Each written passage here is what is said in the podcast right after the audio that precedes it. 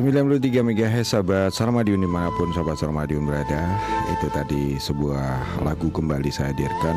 Dan tentunya seperti yang saya sampaikan di awal bahwasanya kesempatan malam hari ini di acara literasi TIK Sudah hadir di studio.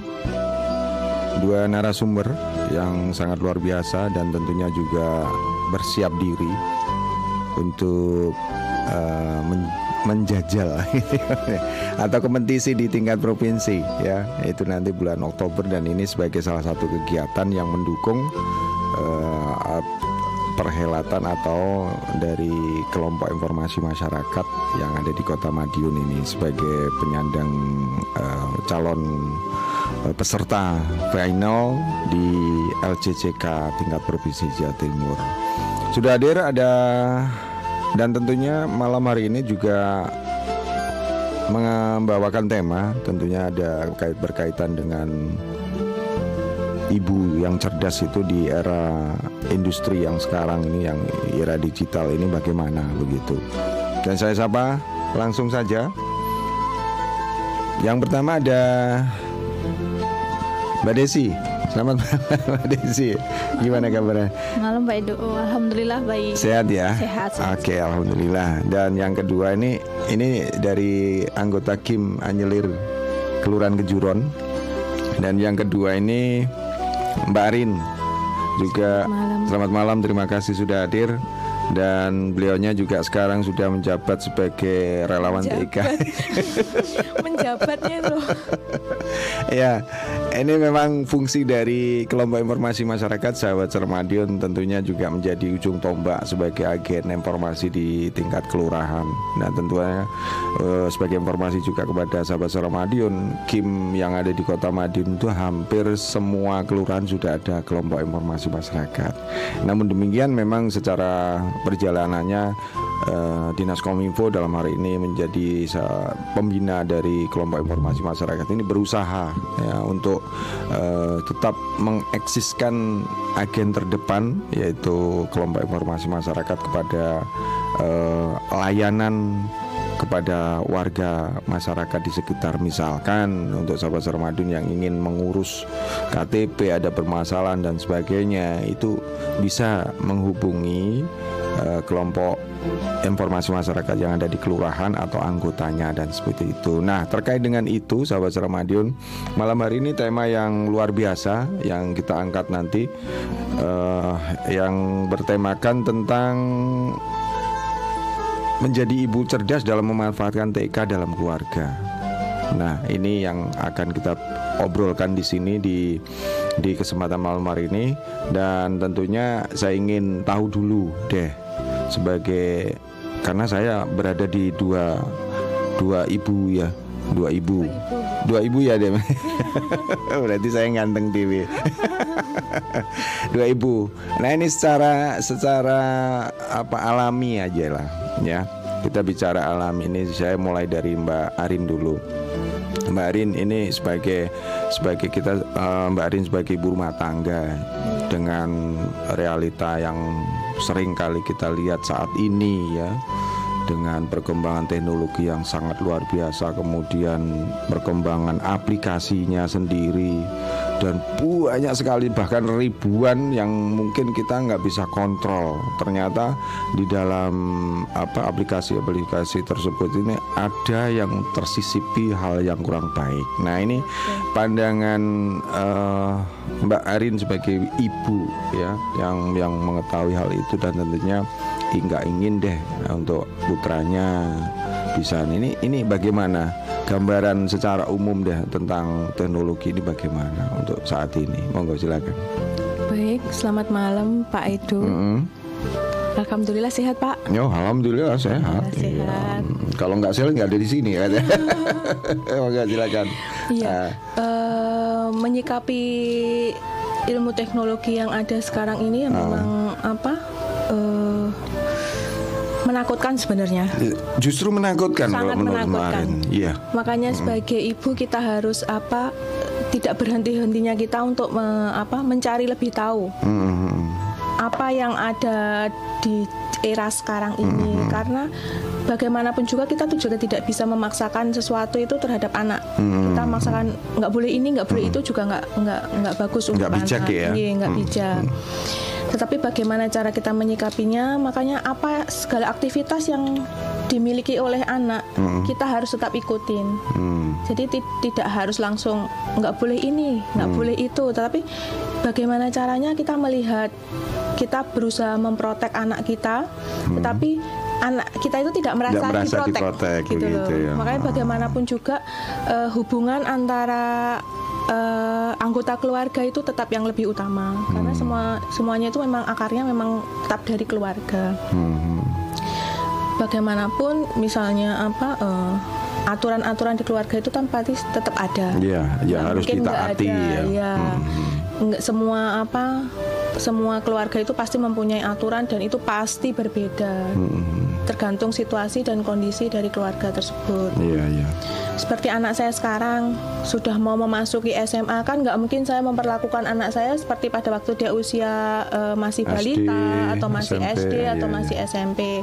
Di usia-usia sekarang ini kan sebenarnya pada masa yang transisi sekali, maksudnya riskan sekali. Kalau saya malah saya kekang, dia malah akan mencari informasi di luar. Hmm. dan kemungkinan informasi di luar itu kan kalau dia nggak bisa menyaring dengan benar Hmm. itu malah akan menyesatkan. Menurut saya seperti itu. Makanya oleh karena itu hubungan antara ibu dan anak pokoknya hubungan dalam keluarga itu yang tetap saya tetap saya jaga terus segala sesuatu yang dilakukan anak saya itu saya harus tahu jadi istilahnya saya anu kayak main layangan Gitu ya. saya tarik, saya Ah, ulur lagi, oh. saya tarik. saya- Sebenarnya kalau sebagai orang tua saya sendiri, sebagai orang tua sebenarnya nggak tega pak. Hmm. Ya nggak tega, ya takut. Maunya tuh anak saya tuh ya saya kungkum Iya. aja di rumah. Tapi nanti saya anak saya malah nggak tahu dunia luar. Ah, nah, itu Begitu dia dia nanti keluar, resikonya. kalau nanti mau tidak mau kan saya harus melepaskan dia Betul, nanti pada waktu dia sekali. kuliah atau nggak mungkin tuh saya mau ngikutin dia nanti mau Betul. kuliah atau gimana Iya. saya mikirnya ke situ tetap saya kasih kebebasan tetapi tetap saya apa eh, ada batasan-batasan yang harus dia taati Hmm. terus mengenai teknologi sekarang teknologi kan eh, aplikasi semakin banyak Luar biasa nggih. Nah, kebetulan alhamdulillahnya saya berkecimpung di kelompok informasi masyarakat, terus di relawan TIK ini saya mendapatkan suatu ilmu lagi. Hmm. Makanya ini kita juga berusaha melakukan suatu apa ya istilahnya eh, diseminasi informasi, Disem- iya, diseminasi. informasi. Takut salah sebut. Nah itu kebanyakan mereka kan banyak yang belum tahu. Hmm. Kemungkinan kalau saya tanya, Bu, tahu kelompok informasi masyarakat enggak? Hmm. Tidak ada yang tahu. Oleh karena itu sepertinya kelompok informasi masyarakat ini masih belum banyak orang yang mengenal. Padahal di setiap kelurahan itu ada. Hmm. Dan sebenarnya ya mereka juga berperan aktif dalam setiap bidang yang ada di kelurahan gitu Betul. loh. Tetapi kemungkinan karena apa ya satu dan dua hal Hmm. yang membuat kok kok masih banyak yang belum tahu gitu karena mungkin masih ada kerancuan atau gimana jadi pikirnya itu apa gitu loh Mhm. jadi belum belum tahu itu fungsinya kelompok informasi masyarakat Sebagai apa, sebagai apa itu dan statusnya di iya, kelurahan statusnya di apa, kelurahan itu apa itu ya. yang yang sebenarnya masih harus di Sosialisasikan, diperkuat lagi, diperkuat gitu, lagi. iya. jadi di- lebih sebenarnya juga tu- sudah tidak kurang-kurang saya itu misalnya pada Hmm. waktu pertemuan atau apa gitu kita selalu mengadakan sosialis- sosialisasi mengenai kelompok informasi masyarakat ini Hmm. Mengenai apa aplikasi-aplikasi yang apa misalnya untuk memprotek keluarga kita Iya. kan nggak nggak nggak hanya anak kita yang harus kita protek Hmm. tetapi lingkungan yang ada di sekitar kita juga perlu diperhatikan Nggih, nggih. saya kira seperti itu Oke, terima kasih nih Mbak Arin. Ini sebagai gambaran umum sahabat Ramadan yang saat ini terjadi dan tentunya kita semua paham dah untuk semuanya keluarga yang ada di Kota Madiun ini saya kira apa eh, ke setiap harinya akan berbeda-beda seperti yang disampaikan oleh eh, Mbak Arin sebagai salah satu ibu rumah tangga dan saya ingin juga tahu deh pandangan secara umum dari Mbak Desi ya sebagai ibu rumah tangga juga me- memahami atau mencermati dari perkembangan teknologi saat ini. Bagaimana Mbak Desi? Monggo. Semua eh, semua tuh pasti ada plus dan minusnya ya Betul, pak. Jadi betul. ya minusnya mungkin seperti yang disampaikan Bu Arin bahwa sekarang jadi sangat bahaya gitu. Hmm, hmm. Tapi ya plusnya bahwa sekarang semuanya lebih mudah. Mungkin ketika eh, video, mungkin kalau da- dulu belajar hanya menggunakan eh, tulisan, misalnya sekarang ternyata sudah bisa divideokan dan itu sangat membantu. Kayak misalnya YouTube lah sebut saja YouTube gitu ya Pak. Ketika anak belajar di sana dia lebih mudah mencerna mungkin dan itu bisa diulang-ulang, bisa di-repeat. Dan ya memang itu sih bahwa men- anak sekarang tuh nggak bisa kalau yang kita mendoktrin. Lebih seperti sharing. Menurut saya lebih lebih akan lebih mengena ketika kita sharing. Jadi bahwa "Ah, kamu aplikasinya apa aja? Kalau kita yang mendikte kamu tuh pakai aplikasi apa aja? Ini nih pasti mereka justru bentrok gitu ya. Iya justru dan malah ya. nutupin nyuri-nyuri. Ibaratnya tuh malah kayak mm, kesempat eh, mencuri ketika kita nggak tahu dia akses dan sebagainya. Tapi Iya. ketika kita sharing "Eh, apa aja sih deh itu apa sih? Itu apa sih? Sambil kita menggali dia kan cerita. Nah kalau saya sih lebih jadi kita kita sudah punya ilmunya tapi kita tidak mendoktrin yaitu tadi untungnya bahwa kita ketemu Kim bergabung di Kim jadi kita setidaknya kita jadi tahu bagaimana informasi. Pemanfaatan iya pemanfaatan utamanya, informasi minimal kita bisa mengakses bagaimana membedakan berita hoax atau tidak. Kemudian pembatasan umur bahwa ternyata media sosial itu punya batasan-batasan umur. Dan untuk YouTube misalnya Kak, mengguna kalau saya ya Pak menggunakan YouTube Kids karena anak saya kan juga masih kecil jadi saya lebih pakai yang YouTube Kids karena ada batasan usianya. Itu sih Pak. Oke, itu ya pandangan menurut Mbak Arin. Dan kembali lagi ya untuk eh, oh Mbak Arin, Mbak Desi maksud saya. Mbak Arin, ini tadi sudah kita tahu bersama, kita dengar bersama dan mungkin sahabat Sarmadion yang ingin bergabung di sini silakan saja di 461817 kemudian melalui WhatsApp monggo silakan di 081556451817. Nah, kita kembali untuk Mbak Arin lanjutan Iya. daripada proses perkembangan anak ini kan kita juga nggak bisa ya secara apa namanya periodik itu mengikuti ah ini nanti anak saya akan saya arahkan ke sini kemudian pemakaiannya harus seperti ini dan kan nggak bisa karena memang teknologi itu ibarat dua Mati dua sisi ya. Sisi mati kalau kita yang satunya ini sangat bermanfaat seperti yang disampaikan Mbak Desi yang sisi lainnya akan membunuh, bahkan Iya. penggunanya seperti itu. Nah, dari kacamata Mbak Arin sebagai ibu rumah tangga, a- a- ada nggak seca- secara rinci formula yang akan diterapkan kepada mungkin salah satu contoh secara umum aja keluarga kita selain yang menggunakan video kit eh, YouTube kit ya, ya seperti itu. Ada mungkin eh, cara-cara untuk bisa lebih care terhadap anu apa eh, penerimaan pemikiran dari anak-anak oh orang tua saya kok nggak nggak nggak begini nggak begitu saya harusnya seperti apa? Ada nggak yang yang yang mungkin bisa disampaikan di sini? Tetap ada. Seperti yang saya katakan tadi kan kembali ke keluarga. Seperti yang sudah diperwalkan juga pada pukul 18 sampai dengan 21 itu diusahakan. Hmm. diusahakan semua gadget mati. Hmm. itu ya meskipun terkadang nggak bisa karena kan terkadang anak itu mah aku butuh buat lihat ini buat ini, lihat ya. itu. Ya tetap tetap kita tetap ada toleransinya. Ya tetap itu tetap kita pantau. Hmm. dan sekarang itu kan aplikasinya banyak yang anu Bang Edu jadinya Iya. eh, ada suatu aplikasi. Jadi itu nanti kita bisa melihat segala aktivitas yang dilakukan oleh anak kita pada gadgetnya. Oh begitu. Bisa Iya. memantau memonitori Jadi gitu ya. seakan-akan eh, kita memata-matai tetapi jangan seperti memata-matai gitu ya karena kalau kita memata-matai juga nggak enak kalau Ah, kita iya, iya, iya, iya. seperti Ah, itu Oke, ini namanya juga sudah ada yang mau gabung nih. Kita beri kesempatan dulu untuk yang sudah terhubung di 461817. Selamat malam. Assalamualaikum. Waalaikum- Waalaikumsalam warahmatullahi Mas wabarakatuh. Wijaya, ya Allah. Gimana Mas gimana? Aku Iya. kangen Mas. Iya sama-sama. Kabar sehat ya Mas Wijaya? Alhamdulillah Mas. Hmm, oke. Anu, ini lagi aktivitas ya? Iya. Biasa, Oke. Sampai jam 9. Iya, semoga laris manis deh. Oke. Anu, Ah, minta tebangnya aku nggak mau komen, aku jawab. Oh gitu ya. Heeh, Pokoknya terima kasih. aja gitu aja. Yang penting bisa mendengarkan dan mengikuti anu, obrolan kita. Apa lagunya? Ya, lagunya yang penting dari Etiko Senda. Hmm, Eh, Hetiko jangan Senda. ya. Oke. Nanti SMB aja dibaca. Oke ya. Oke. Sa- sama membaca apa Mas? Hah? Sama membaca apa? Ini ada dua narasumber kaitannya dengan me- pemanfaatan teknologi informasi terhadap anak. Iya. Kalau pemasukan kalau Mm-mm. saya bilang ya yang penting yang damai aja, yang yang pokoknya yang enggak gimana gimana gitu loh Pak. Hmm, Ya. Yang Aku gimana nggak gimana? Soalnya aku orang awam Mas. Iya nggak apa-apa ya.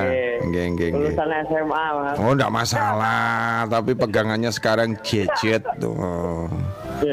Anu, pengen di Dongo ya Mas. Iya. Ya, gitu.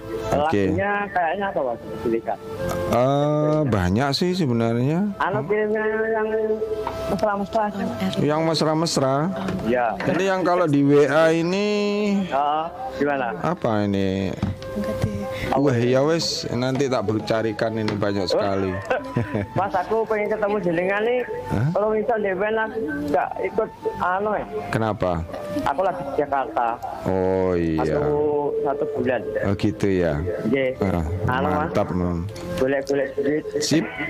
Oke Mas Wijaya. Nanti. Oke, Salam buat alumni SMA Muhammadiyah satu Ponorogo tahun 89. Oke. Salam sejahtera selalu. Ini saya Itu saya sama Mm-mm. rekan-rekan tadi yang mbak-mbak tadi. Ya. Terus mbak.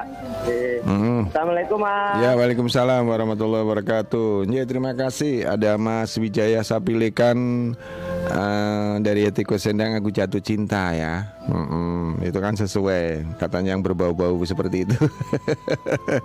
Baik, sahabat Salamadin, tema malam hari ini obrolannya terkait dengan menjadi ibu cerdas dalam memanfaatkan TK ya di era 4.0 atau di era industri digital saat ini. Monggo silakan berpartisipasi di 461817. Selamat malam yang sudah tersambung.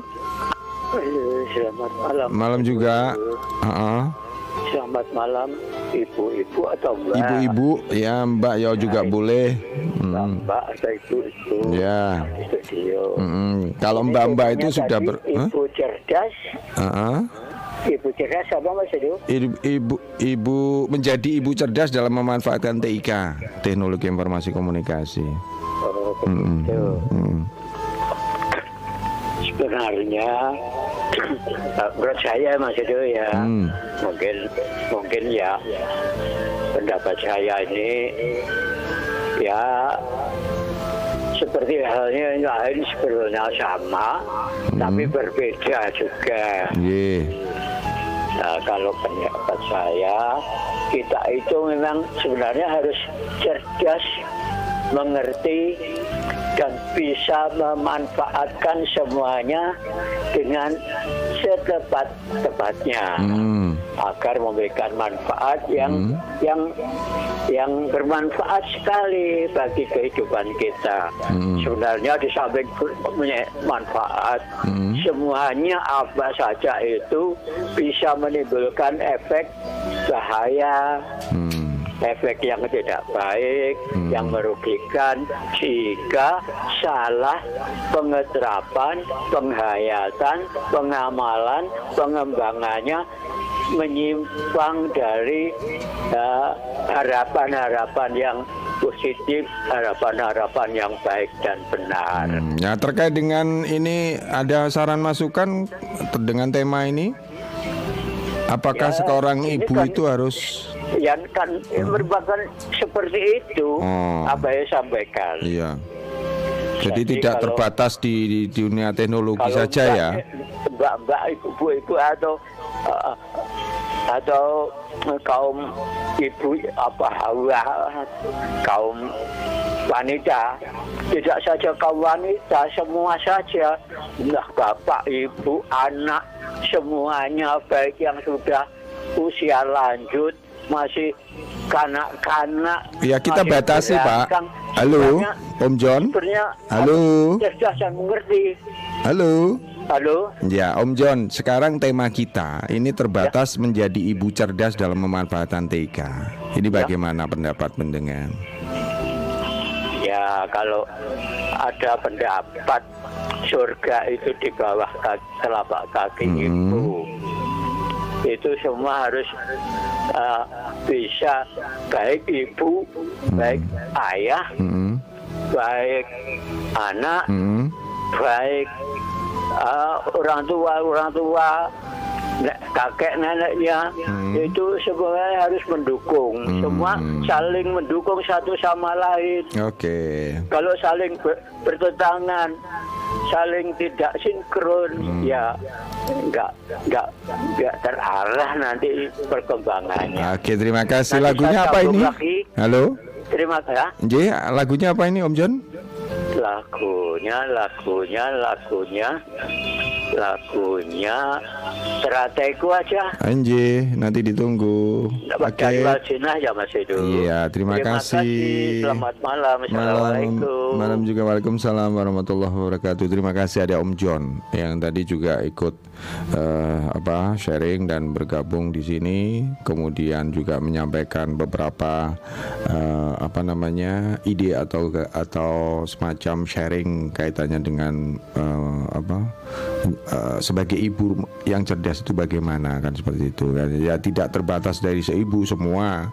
Ada ayah ada anak dan sebagainya saling eh, bisa membuat satu eh, satu kesepakatan lah seperti itu. Kalau saya bisa eh, apa kesimpulkan dari pendapat Om John tadi. Kalau dari kacamata Mbak Arin tadi pendapat dari eh, Ya.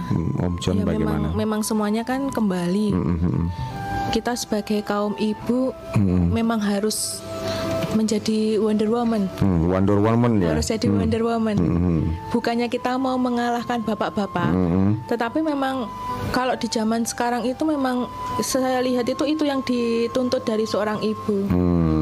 Segala sesuatunya kita itu harus apa tetap menggali Dituntut ilmu. dalam artian yang bagaimana? Ada pemaksaankah atau memang kondisi kondisi, karena karena situasi dan kondisi yang Oh, ada gitu ya. sekarang ini. Kalau kita diem aja pasif nggak aktif akhirnya kita yang yang rugi. Hmm, kita nggak akan tahu apa-apa anak kita sudah ke mana-mana. buana seperti apa daripada kita menyesal namanya menyesal kan tidak ada di depan selalu Betul. ada di belakang Iya iya iya. Nah, oleh karena itu kan eh, proteksi kita sebagai orang tua Hmm, tidak hanya sebagai seorang ibu, kita juga berperan sebagai seorang teman, hmm, seorang kakak hmm. ataupun adik. Kita bisa memposisikan diri kita bagaimana biar anak itu merasa nyaman Hmm. berada di lingkup keluarga kita. Jadi apa ya? Akhirnya kalaupun dia nanti dilepas di lingkungan luar, itu dia tidak akan bingung. Hmm. Jadi pasti dia kalau mempunyai masalah larinya tetap ke orang tuanya. Hmm. Oke sebelum lanjut Iya. kita beri kesempatan untuk yang sudah tersambung. Oh coba-coba. ya boleh. Ini tadi eh, terhenti, monggo. Ah. teknologi sekarang itu seperti yang dikatakan Bang Edo, Dek Desi, Ah. memang banyak keuntungannya. Mhm. Segala sesuatu bisa kita dapatkan dari Lebih mudah, Iya. ya. Tetapi kan kita tetap harus menyampaikan ke anak kita segala sesuatu yang kita dapat itu kita lihat dulu itu benar atau tidak. Hmm. Setelah kita lihat benar atau tidak, itu bermanfaat nggak buat kita gitu. Kalau bermanfaat, bolehlah kita share atau kita Hmm. sebarkan. Kalau tidak, kita stop sampai di sini saja. Hmm. Jangan ikut-ikut karena memang terkadang itu kan eh, mereka tidak sadar pak. Seperti yang terjadi beberapa hari yang lalu di Hmm. apa di supermarket. Mereka sebenarnya hanya bercanda tetapi kan itu istilahnya merugikan orang lain juga. Ternyata merugikan orang lain Be- meskipun dia meri, merayu apa merasa Ini nggak menyalahi enggak gitu. gitu loh.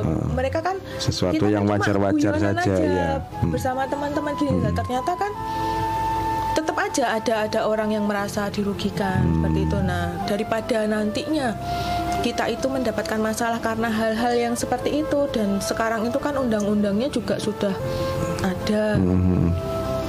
Undang-undang Dan- ITE ya. Undang-undang ITE-nya juga sudah ada. Jadi kan daripada kita bermasalah dengan hukum karena bermasalah dengan hukum itu ya Aduh, menyedihkan gitu. ya. nanti malah menghabiskan tenaga, Ah, pikiran, pikiran. Ini malah nanti daripada kita Jauh dengan keluarga dan sebagainya ya. itu Hmm. daripada nanti terus anak kita terseret dengan hal-hal yang seperti itu oleh karena itu selalu kita beri arahan beri uh, motivasi untuk melakukan sesuatu yang lebih positif dan mengurangi hal-hal yang uh, sekiranya itu tidak menguntungkan seperti itu. Boleh kita menggunakan internet misalnya untuk belajar. Belajar pun itu kan sekarang juga nggak semua benar. Mhm. misalnya kita mau tanya pertanyaan ini jawabannya? Kan belum tentu yang dijawab apa jawabannya itu benar. Iya. tetap tetap harus pendampingan itu tetap harus ada. Hmm. karena kalau tidak nanti malah salah dan lagi kalau suatu ilmu dan itu ilmu pasti kalau jawabannya nanti salah sampai kapan pun salah, Salah, ya. apalagi kalau itu anak SD anak SD sekarang sekarang seperti seperti yang kita tahu ada ruang guru Hmm. atau apa itu kan dimulai dari SD Mhm. dan anak SD itu kalau sudah nyantol. Misalnya satu tambah satu Ada dia dua, empat. Oh empat gitu, satu tambah sama. satu empat ya sampai Iya. kapan pun dia akan satu tambah satu empat buat dienggok kan ke mana satu tambah satu dua itu susah. Ah. pernah pak waktu itu eh, kelas 3 anak saya masih kelas 3 saya ingat sekali. Saya kan saya selalu saya lihat dia habis Hmm. les gitu saya lihat. Dia jawab soal ini. Saya lihat itu salah. Hmm. jawabannya itu salah. Se- sepengetahuan saya sebagai yang Ibu, pernah seorang belajar ibu, di ya. anu itu itu salah. Hmm. tapi begitu saya arahkan dek ini salah. Enggak mah ini katanya bu guru Oh katanya seperti Bu ini. Guru. katanya bu guru seperti ini. Jalannya seperti ini. Itu sudah nggak bisa pak. Saya elokkan tuh sudah nggak bisa. Saya belokkan lagi. Salah dek. Yang betul tuh seperti ini. Itu tetap tetap nggak bisa. Akhirnya saya mau tidak mau saya telepon Guru, gurunya ya. saya tanya ibu nyuwun sewu. Saya mau tanya kalau soal seperti ini jawabannya apa? Betul seperti ini karena sepengetahuan saya waktu saya sekolah, sekolah itu nggak seperti ini. Itu hal yang simpel sekali. Maksudnya itu eh, ilmu pasti gitu loh. Kalau ilmu pasti kan kita nggak mungkin jawabannya nggak yang lain. berubah Ah, ah, gitu terus begitu dilihat oh iya ibu maaf saya yang salah gitu Hmm. akhirnya besoknya itu baru apa baru dijelaskan ke anak-anaknya ke murid-muridnya Murid yang lain. oh. baru sampai rumah itu anak saya mah iya mah yang betul kemarin mama jadi kalau Itu sudah hal so- Enggak, hal kalau sudah simple ya. bilang seperti itu dia an- itu kan baru anak SD gitu karena nalarnya mungkin juga masih jalan masih dalam proses jadi kalau anak SD terlalu sering diberi kalau istilahnya kita membiarkan dia untuk belajar melalui online dan kita tidak mendampingi dan jawaban yang dia dapat itu salah ya sampai kapan pun dia akan itu benar itu benar padahal itu salah itu loh dan Oke. merubah merubah itu Mindset. sangat susah sekali Oh, ya menjadikan mindset selamanya seperti itu. Nah ini balik ke ke Mbak Desi nih. Menurut- Menurut uh, pandangan dari Mbak Desi menyambung dari uh, Mbak Rin ya kaitannya dengan hal tersebut ya. Kait, monggo silakan dilanjut. Ya benar sih kata Mbak Rin tadi bahwa ya itu dan apalagi sekarang itu kayak Google itu tidak menjamin, tidak memberikan jaminan bahwa misalnya Wikipedia, Wikipedia aja itu tidak memberikan jaminan bahwa yang dia di apa ya yang ada di eh, di, di dalam Wikipedia itu benar karena itu adalah hasil orang. suntingan gitu. Jadi siapa pun bisa menyunting dan ya itu tadi bahwa sehebat apa pun teknologi kita tetap harus mengenalkan buku sih, membaca buku itu jelas penting karena buku itu kan ada pertanggungjawabannya, ada redaksinya, ada melalui proses penyuntingan yang panjang sebelum buku itu tercetak. Iya. Beda dengan hanya cari tugas misalnya ini baru kita ngeklik di Google. Memang keluar tapi belum tentu jawaban itu benar. Sumber yang bisa di betul sumbernya itu belum. Jadi ya memang tetap harus kita dampingi dan tetap kita harus membiasakan anak untuk buku buku buku itu penting Membaca sih. Buku. membaca buku. itu penting karena memang ya itu tadi yang benar iya. ada di buku. gitu iya lah, ya. apalagi kalau kayak anak-anak yang dia hanya paten tauku dari situ ya udah itu yang kupakai nah itu yang repot lagi udah nggak bisa Eh, eh, betul sekali. Nah ini menurut pengalaman Mbak Desi selama ini nih ya, karena eh, usia dari Mbak Desi sendiri mungkin masih punya balita seperti itu. Nah ini mungkin eh, bisa punya trik-trik tersendiri deh. Ini bukan berarti kita share terkait dengan curhatan hati keluarga masing-masing ya. Tapi ini contoh kecil seperti itu. Nah ini ada punya konsep sendiri kah di keluarga Mbak Desi ini? ya eh, saya memang sempat salah sempat sempat salahnya adalah ketika kan saya sering ikut rapat dan Iya, sebagainya ah. ketika itu anak saya bawa pasti saya langsung udah deh ini pakai YouTube biar biar tenang deh gitu Iya, kayaknya iya, biar iya, iya. pokoknya Ah. biar nggak ribet daripada Ah, riwah gitu ah, oke, oke. oh kasih YouTube nah ternyata kan ya begitu ikut kim dapat ilmu dapat info bahwa ya mungkin itu menenangkan anak tapi itu hanya sesaat. Dan ternyata memang ya ketika itu menjadi sebuah ketergantungan ketika itu kita minta anak pasti feedbacknya akan kayak tantrum. Jadi iya. iya dan cenderung lebih emosi. Pasti Hmm.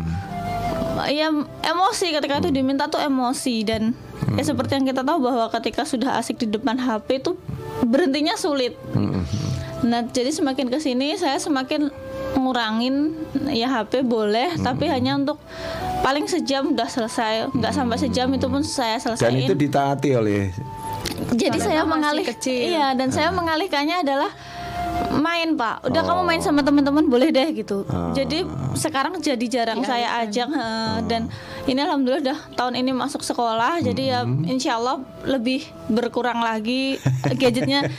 Kan dulu ya memang masih usia tiga tahun tuh sering saya udah deh pakai nih HP daripada soalnya biar lari-lari ya daripada lari-lari kayak gitu zamannya saya dulu itu Iya iya. bukan gadget kalau saya eranya anak saya itu anu pak TV Game. sama video Oh sama video. video Hmm. Teletubbies Oh anu itu iya. kan iya. biar anak diem gitu duduk di depan TV kan Lah, tapi ternyata setelah saya rasa-rasakan itu anu memang memang efeknya itu di apa di belakang Hmm. itu memang sebenarnya bisa membentuk karakterkah mempengaruhi Iya. image atau karakter si anak itu ya. Iya dan apa eh, menja- membuat anak itu susah konsentrasi satu Hmm. terus eh, apa Tidak mempunyai pendirian dalam artian oh, pendirian eh, sesuai dengan arahan dari orang tua maksud saya seperti itu. Enggak juga ya. anak saya enggak. Enggak, kalau enggak anak juga. saya gini, Hmm. karena mungkin saya waktu itu memang fokusannya di rumah nggak Hmm, ke mana-mana, jadinya segala aktivitas anak saya itu memang saya yang antar gitu. Hmm. Jadinya ketergantungan ke saya memang ada. Saya akui itu ketergantungan ke saya itu memang ada. Terus eh, sistem belajar waktu SD Hmm. itu juga juga mempengaruhi ternyata. Jadi waktu SD itu saya selalu membacakan, Pak. Hmm. Jadi dia hanya mendengarkan, mendengarkan soal itu juga saya bacakan, saya dia jawab, saya tanya, saya bacakan dia jawab, saya bacakan dia jawab. Itu efeknya sekarang itu saya merubahnya itu memang Berat lebih susah ya. sekali. Pertama dia nggak mau baca, Hmm. terus kalau lihat soal panjang sedikit males, mesti keliwat. Jadi kalau dia udah kena soal cerita, itu dia paling pusing. Ternyata efeknya tuh sekarang saya lihat di situ. Oke, baik sebelum lanjut kita beri kesempatan udah yang sudah terhubung. Selamat malam. Selamat malam Edo. Nji, monggo. Ini Mas Edo, kalau kita membicarakan teknologi, kita harus tahu dulu tentang teknologi. Kalau dibicarakan yang dibicarakan ini mungkin teknologinya teknologi yang sedang on, sedang top ini HP ini toh. Hmm. Ya, teknologi itu bukan HP saja. Hmm, betul. Hal-hal yang berat juga eh, mengajar itu ada tekniknya. Hmm, betul sekali. Nah, Hmm. arsitek juga ada tekniknya. Hmm. Jadi kalau kita menyatakan tentang teknologi, Hmm. ya kita semua mengenali dulu teknologi. Semua itu bermanfaat. Hmm. Baik itu HP. Kalau saya HP yang biasa saja kurang memahami lah Mas itu. Hmm. Apalagi yang Android ini Hmm. Pusing sebenarnya saya. Hmm. Jadi, jadi kalau kita bi- berbicara tentang teknologi ya itu tadi, Hmm. dan kalau kita belajar, belajar itu kata orang, Hmm. Ada pendidik, ada pemerintah, ada orang tua, ada masyarakat. Jadi kita bisa belajar Hmm. dari segala apa saja dari rumah, dari sekolahan, dari pergaulan, dari pengalaman, dari buku, dari kegagalan, dari sukses itu bisa mendidik ke arah sukses, ke arah kemajuan. Mm-mm, Begitu. betul sekali. Terima kasih. Jih, sama-sama.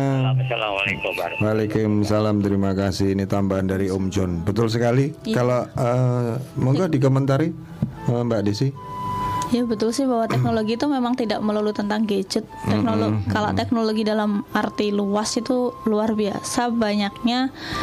Ya cuma hari ini kita kan lebih mengkerucutkan Iya, obrolan ini ah. di era digital 4.0.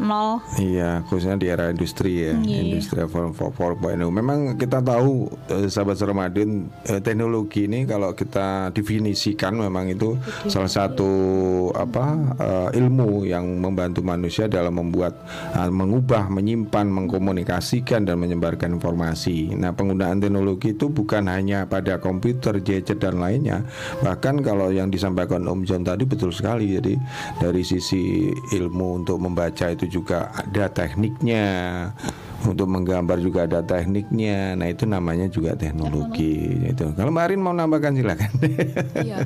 Ya seperti yang saya sampaikan tadi kan teknologi kayak video tadi juga suatu teknologi. Iya, iya. Terus eh, televisi, Mm, komputer, komputer, apalagi apalagi sekarang ya. komputer itu juga juga apa? Hampir semua anak nggak mungkin nggak pegang komputer Betul sekali.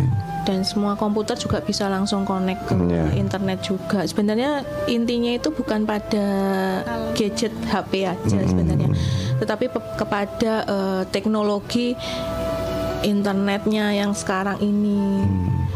Ini kalau kalau kita lihat ya sekarang ya perkembangan saat ini memang saya saya berpikir begini eh, kalau kalau pendapat saya pribadi so- menyikapi teknologi seolah-olah di generasi yang sekarang milenial ini dibuat instan untuk mengetahui mengetahui apa pun yang ingin dia. Kalau dulu kan ada proses Ada ya. proses, Jadi di usia sekian pendidikannya main main bekel ya Ya, itu ya. betul. Memang saat itu tuh belum belum berkembang teknologi yang saat ini. Nah sekarang kalau yang yang kita arahkan si anak ini terhadap hal-hal yang sifatnya manual, saya kira yang disampaikan Mbak Desi tadi kalau kita kekang terlalu Nggak apa bisa. nggak bisa karena mereka di lingkungan ketika masuk di lingkungan lainnya sudah banyak yang Iya. teman-temannya seperti itu kan ya kan kasihan juga secara Oleh manusiawi. itu, Mm. pada waktu kita melakukan sosialisasi itu kan kita juga melihat komunitas yang ada seperti yang beberapa waktu lalu kita lakukan. Mm-mm. Kita eh, mendekatinya itu dengan memakai permainan ular tangga, dengan memakai permainan apa pun yang ada. Kita mau pakai kartu domino, kita mau pakai kartu istilahnya apa itu kartu kayak apa sih empat empat itu loh pak main empat Oh. yang ada gambarnya kayak gitu.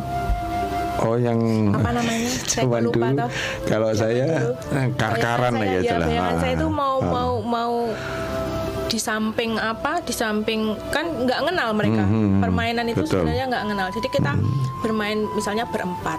Terus kita sama-samaan dalam satu kelompok itu ada empat kartu itu yang harus jadi empat kartu harus jadi kayak gitu.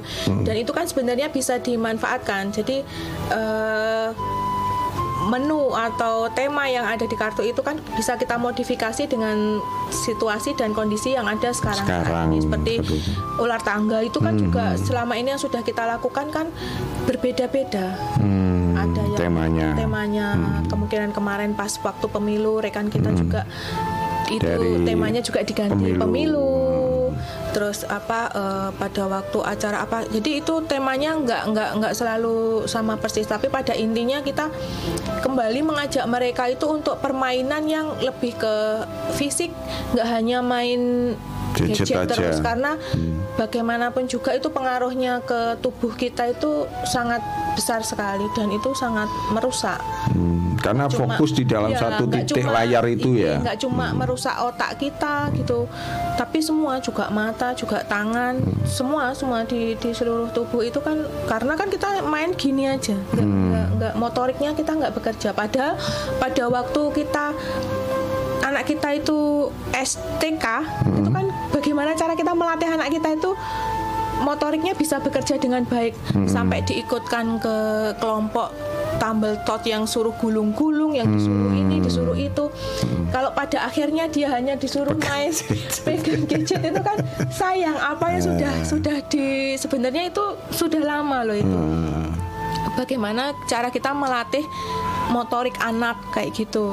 Itu zamannya anak saya itu sampai anaknya itu disuruh gulung-gulung disuruh joget melakukan balik disuruh ini disuruh itu. Saya tuh- kerjasama kelompok Iya, dan itu- sebagainya. itu saya lihat gitu. itu berarti kan tuh membuat apa eh, melatih anak-anak supaya gerak Mm-mm. tapi kok pada semakin ke sininya kok malah akhirnya kok oh, apa-apa kok ada di tangan di gitu, tangan dia. gitu hanya loh. gadget yang Nah, oleh karena berbicara. itu kan kita harus harus mengembalikan itu kepada porsinya gitu. Saya ki- sedikit demi sedikit memang tidak bisa secara secara langsung kita harus anu tetapi tetap kita harus berusaha dan itu nggak nggak bisa dilakukan hanya satu orang dua orang. Dan itu harus membutuhkan dukungan dari banyak pihak. Begitu ya. Iya, tapi Nah, pada inti punjernya tetap dari keluarga itu Oke, ini nih, kan ini saya juga tergelitik ini ada satu artikel yang, yang juga menyebutkan sebenarnya semua ibu itu di- dituntutlah untuk menjadi ibu yang cerdas untuk mencetak generasi berkualitas. Nah ini seberapa apa sih? Cerdasnya? Eh, enggak, maksud saya indikator yang yang yang dimaksud ibu cerdas ini menurut Mbak Arin dan Mbak De Desi ini apa ini? Mbak Desi yang sederhana saja lah. Ini ini saya juga tergelitik ini kok ada yang disampaikan salah satu artikel ini gambaran seorang ibu dituntut menjadi ibu yang cerdas dalam mencetak generasi berkualitas. Nah ini apa sih yang yang menjadi indikator itu? Kalau pandangan penjenengan apa, Mbak Desi? Monggo silakan. Ya kalau buat saya ibu cerdas itu bukan yang harus smart jadi Oh, smart, profesor ya. harusnya enggak lah. Iya gitu ya. Kalau menurut saya dia uh, bisa bisa ngajarin anaknya bahwa yang ini baik, yang ini enggak, yang ini Hmm. Kalaupun dia kurang tepat kita yang benerin enggak gini nih deh. Jadi Hmm. minimal orang tua tuh punya wawasan bahwa apa yang baik dan apa yang tidak untuk anaknya utamanya ya di era yang semakin seperti ini kita ya itu sih harus uh, protek anak dengan ya itu tadi kasih tahu yang baik dan benar Paling jadi tidak minimal ya mengarahkan minimal ya. paling tidak kita tuh punya ilmunya punya Mengarahkan. ilmu iya ilmu bahwa ya itu tadi bagaimana cara menggunakan teknologi itu sendiri Hmm. dan ya tidak dan kita juga bisa semisal kayak penggunaan gadget jangan sampai anak kita jauh di depan kita sementara kita nggak tahu apa-apa karena ya itu sangat akan timpang jadinya.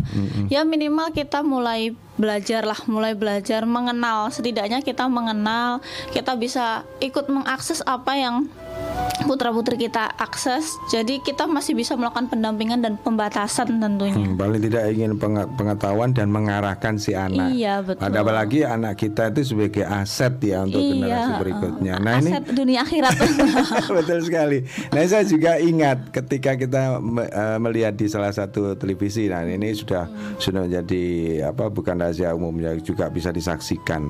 Ada eh, ada satu keluarga ketika si anak perempuan ini eh, akan menceritakan sesuatu kejadian di sekolah, bapak ibunya dengan seda- sedang asiknya begitu ketika ini loh hasil saya ma apa dan sebagainya. Itu itu pandangan eh, dari Mbak Mbak Mbak Arin gimana nih dari iklan tersebut? Ini se- sebenarnya iklan layanan masyarakat yang kaitannya dengan pemanfaatan teknologi ini. Kalau bisa dikupas dari dari sisi kacamata kelompok informasi masyarakat seperti apa? Itu menurut saya itu sentilan buat saya juga. Betul. saya, saya sebenarnya juga merasa tersentil. ini di, di, di televisi kan betul, sudah iya, ya. iya, jadi merasa betul. merasa Ah, wah gitu ya. Iya, kalau menurut saya ah, feedbacknya juga saya kembalikan ke diri saya sendiri. ah, ah. Seperti yang saya bilang tadi, Hmm. kita harus bisa memposisikan diri kita itu sebagai teman, sebagai Hmm. ibu. Terkadang saya harus juga sebagai bapak karena kan terkadang bapak itu nggak bisa sabar juga. Hmm. Betul. Terkadang Ya, kan ya, lebih ya. keras. Jadi kan Oh. mau tidak mau saya harus bisa memposisikan diri saya Dua-dua. sebagai ya itu itu tadi saya harus bisa menjadi Tantangan ya. Wonder Woman. Wonder Woman itu tadi. yang ada di rumah.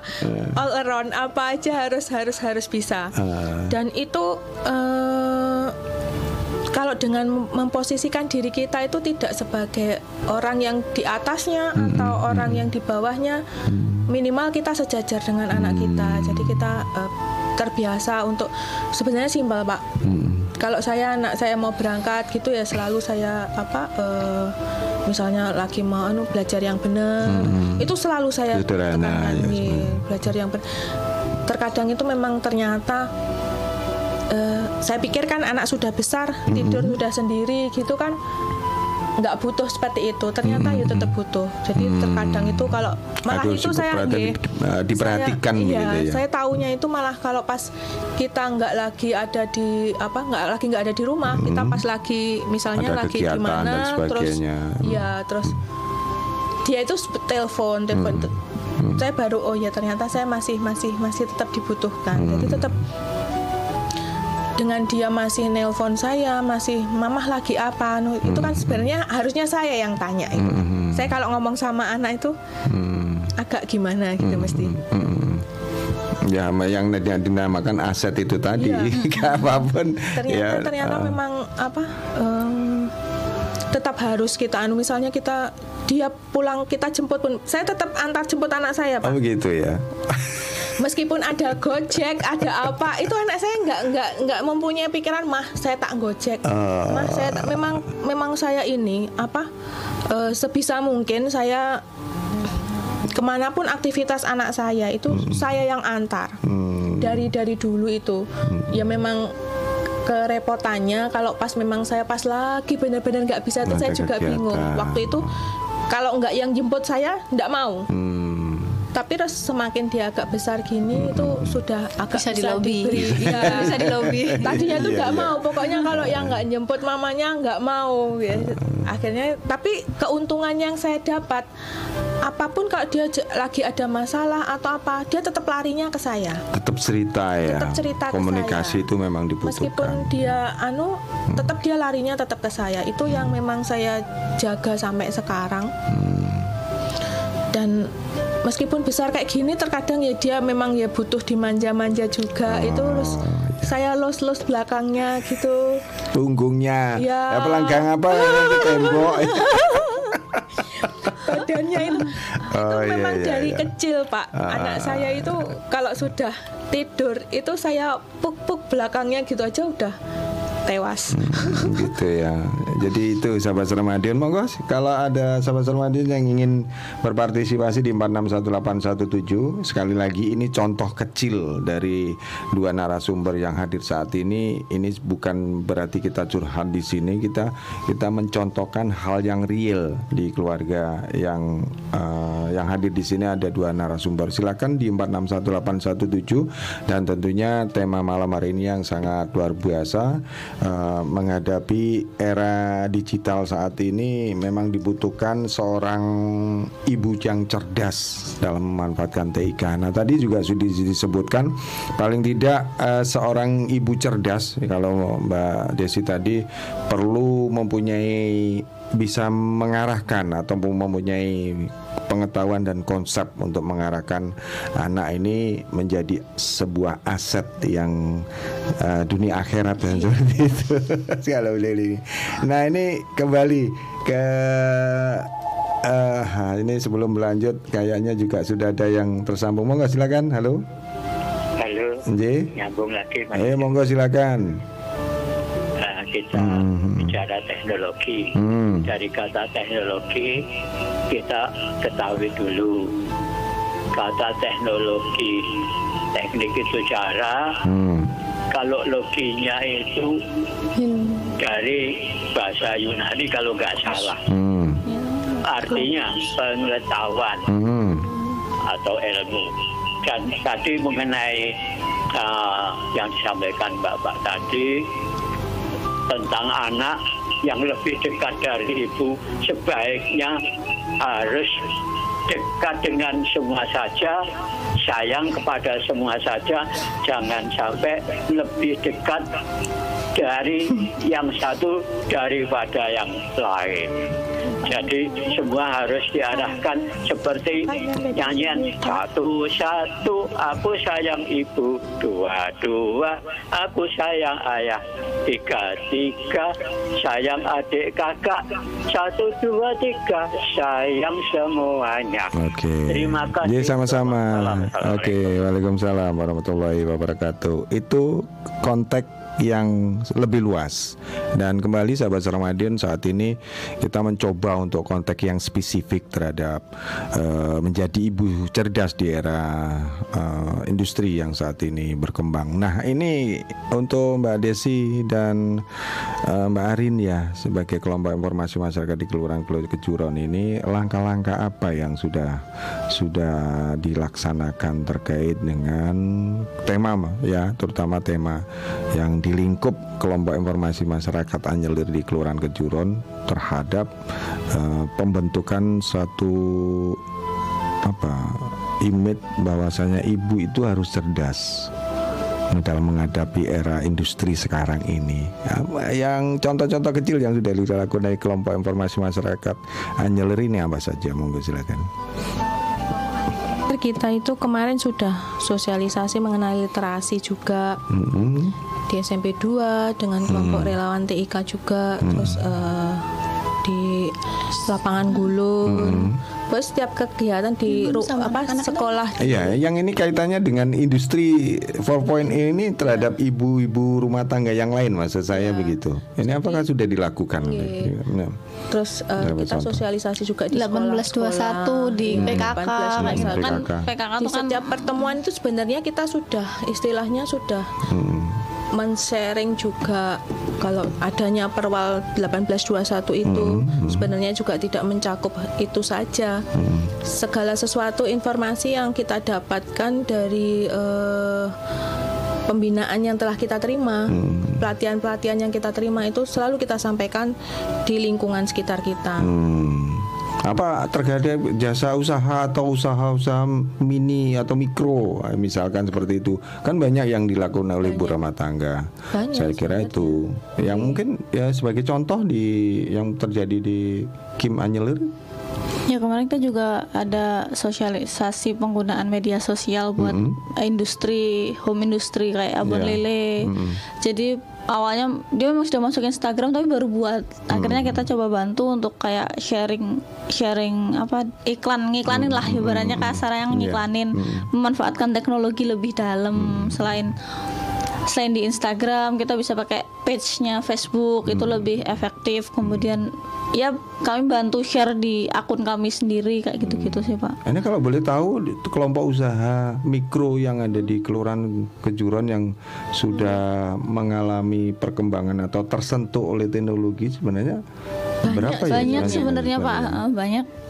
Ya Kita ini lagi ngelis juga. Mau kita istilahnya Lebih- kita mau jadikan suatu kelompok binaan lah ya. Kayak rencana rencananya seperti itu.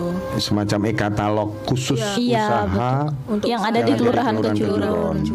Hmm, dari usaha jasa jasa kemudian Semua, produk. semua, semua. semuanya. Semuanya luar biasa. Ini Insya kalau Allah semuanya. Ini masih kita konsep. list dulu. Tulis dulu. Karena memang di kelurahan kejuruan ini kan mata pencahariannya dominan perdagangan ya Pak. Karena memang di kami kan tidak ada pertanian tidak ada iya. perikanan peternakan hampir tidak ada lahan di tempat kami. Jadi memang yang konsen itu kebanyakan adalah di perdagangan baik itu jasa maupun produk. Jadi Uh, kami nangkapnya bahwa di sana peluang yang besar untuk untuk kelurahan kejuruan mengembangkan pemanfaatan teknologi yang lebih ibaratnya yang lebih.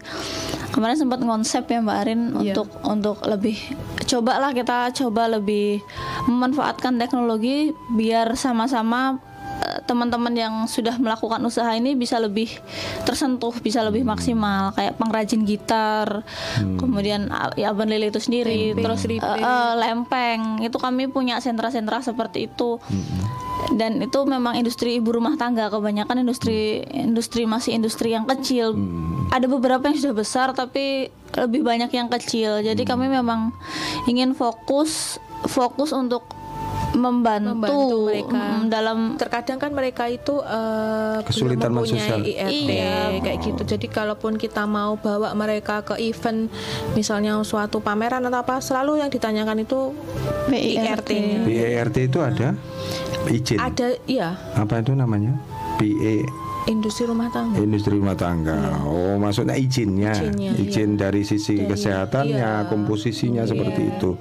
Memang diwajibkan ya dari Kalau misalnya kita kurang. mau mengikutkan dalam suatu event itu pertama yang ditanyakan selalu itu. Selalu itu, Nggih, jadi dari dinas produknya kesehatan itu, ya. nggih, produknya itu sudah ada itunya atau belum. Hmm, Terkadang kan mereka background. sebenarnya sudah besar, besar, Nah, sudah istilahnya sampai ngirim sudah- ke luar sudah kota. ngirim ke mana-mana saya tanya itu sudah ngirim ke mana-mana tapi begitu kita itu mau bawa istilahnya kita mau, Mau mengiklankan mau juga. repacking lagi yang lebih bagus. Kan sebenarnya pa- packingnya dia juga belum belum belum terlalu bagus seadanya aja cuma di plastik gitu aja misalnya. Tapi dia memang sudah bisa jual ke mana-mana. Tetapi begitu saya tanya mbak ini mau tak bawa ke sini? misalnya. Terus saya saya lihat Minta. itu, minta ininya belum punya ibu waduh Jadi Padahal itu Ini tantangan ya. Iya, jadi ketika mau mengiklankan sampai di online, pasti kan pembeli sekarang itu jeli ya Pak, minta tanggal kadaluarsa, minta ini, minta ini, minta ini. Terus ternyata kita belum bisa memenuhi. Jadi kan kami belum berani. Jadi Oh. untuk menampilkan di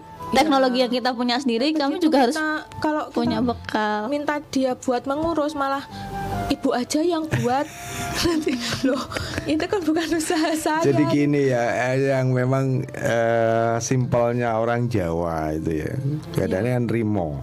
Ya, istilah rimo ini terkadang menjadikan image yang paradig apa namanya terbawa terus. Ketika kita me- me- apa me- mengenalkan suatu produk tertentu, katakanlah ketika sudah punya nama ya sudah dijalani aja, lupa dengan apa-apa yang harus dicukupi ketika itu nanti dibutuhkan. Alah, ya yang penting payu.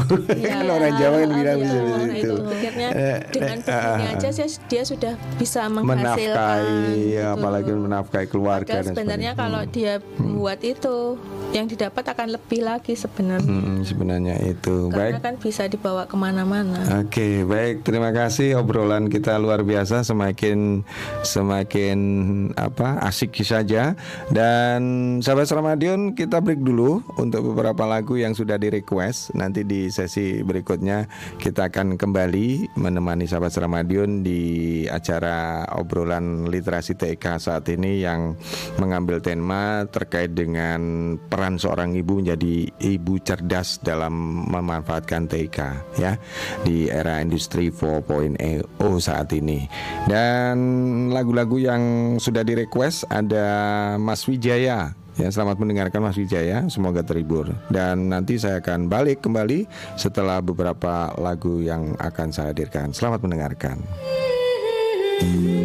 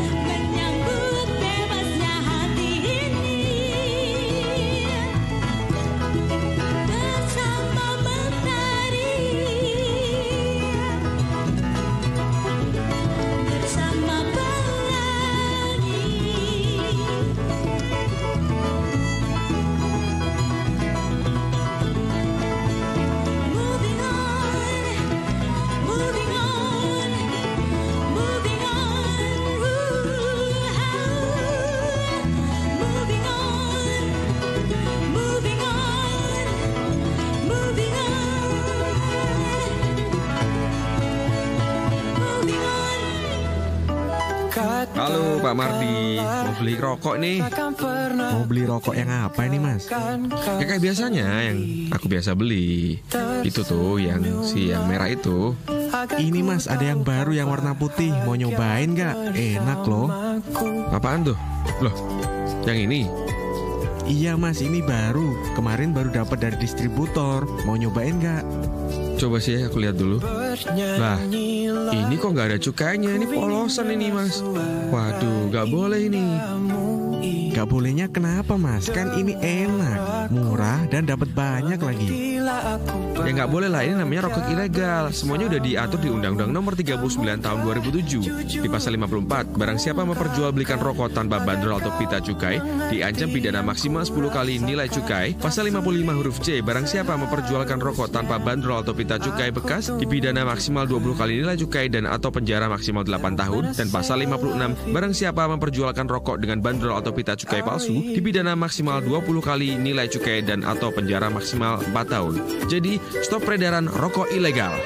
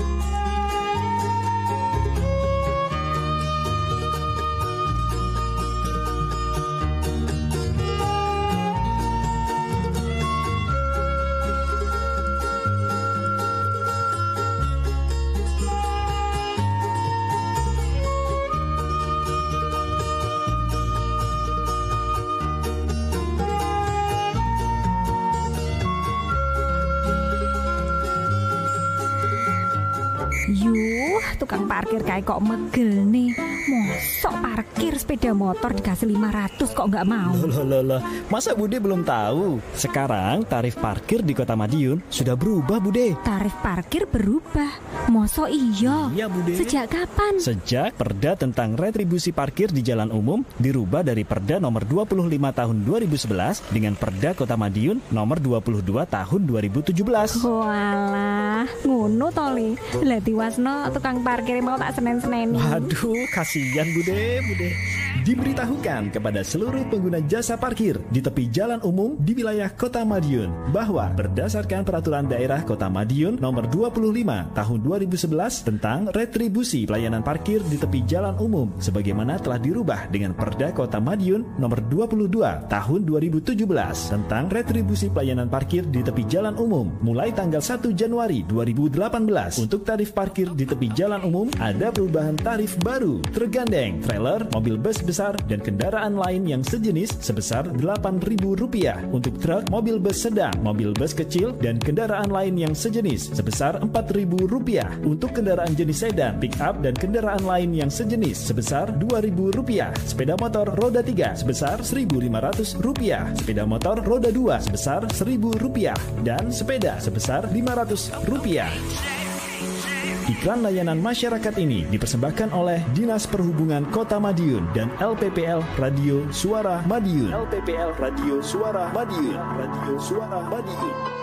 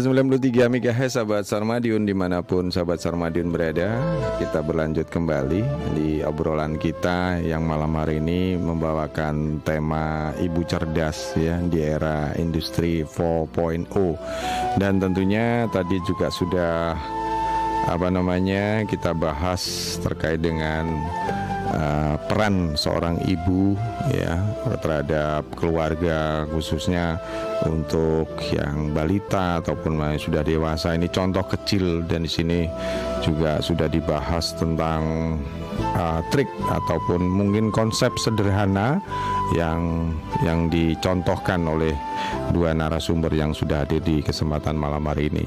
Nah, baik sahabat Seramadin kita berlanjut kembali untuk acara literasi TIK saat ini dan tentunya sudah di menit 10 dari pukul 20. Nah, saya persilakan juga untuk sahabat Seramadin berinteraksi di sini, sharing dengan kita di sini dan tentunya yang terkait dengan tema ya. Terima kasih sekali untuk penelpon tadi dari Om John juga ada Mas Wijaya dengan hadirnya lagu yang sudah di request tentunya bisa menemani ya, kesempatan malam hari ini. Baik, kita berlanjut. Ini Mbak Arin eh, tadi juga sudah dibahas secara uh, gambaran umum seperti itu ya. Nah saya pengen pengen tahu lagi ini uh, apa ya kaitannya dengan usaha tadi yang ada di kelompok informasi masyarakat Anyelir di Kelurahan Kejuron. Nah tentunya uh, sebagai agen informasi di dalam kelompok informasi masyarakat itu kan tidak melulu uh, berdasarkan satu usaha tertentu seperti Iya. itu ya. Dan kompleks sekali namanya agen itu apa pun yang bisa diserap sebagai informasi nah itu akan disosialisasikan atau diliterasikan kepada eh, warga masyarakat. Nah ini yang di sudah sejauh mana sih yang dilakukan oleh Kim Anyelir di Kelurahan Kejuruan selain daripada eh, tadi yang dicontohkan untuk usaha mikro katakanlah seperti itu. Karena eh, saya tadi dengar bahwasanya pelaku usaha mik- mikro di Kelurahan Kejuran itu sangat banyak sekali dan ini masih dalam taraf apa tadi Eh, inventarisasi seperti itu ya.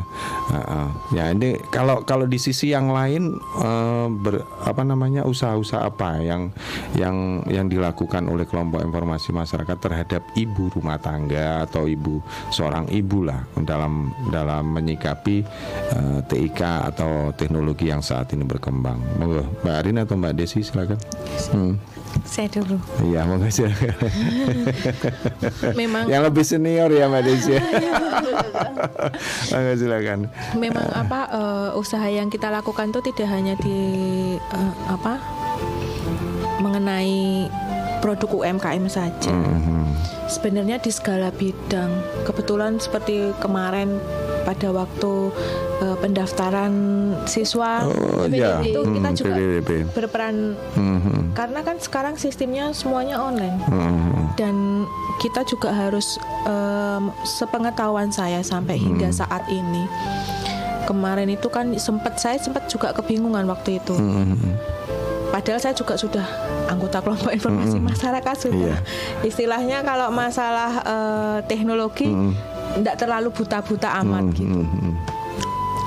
Sesampainya pada waktu akhir eh, sebelum belum akhir penerimaan Hmm. pada waktu di tengah-tengah jalan itu kan kita mendaftar itu pada tengah malam Hmm. jam 9 itu anak saya sudah terlempar dari sekolah mana pun ini iya itu, terus itu itu merupakan pengalaman yang tidak dapat saya lupakan. Itu be- begitu sekitar jam 9 jam setengah 10 itu maaf anda belum diterima itu Mhm. namanya sudah seorang perasaan ibu iya. Hmm. namanya seorang ibu anaknya belum keterima di mana-mana itu apa? Bingung toh? Mhm.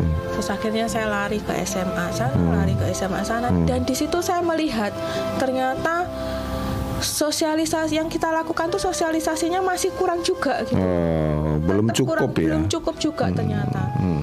Dan eh, memang mungkin keterbatasan informasi yang kita dapat juga karena kan untuk mungkin untuk SD SMP masih sekitaran Kota Madiun. Karena memang peraturannya kan peraturan perwal.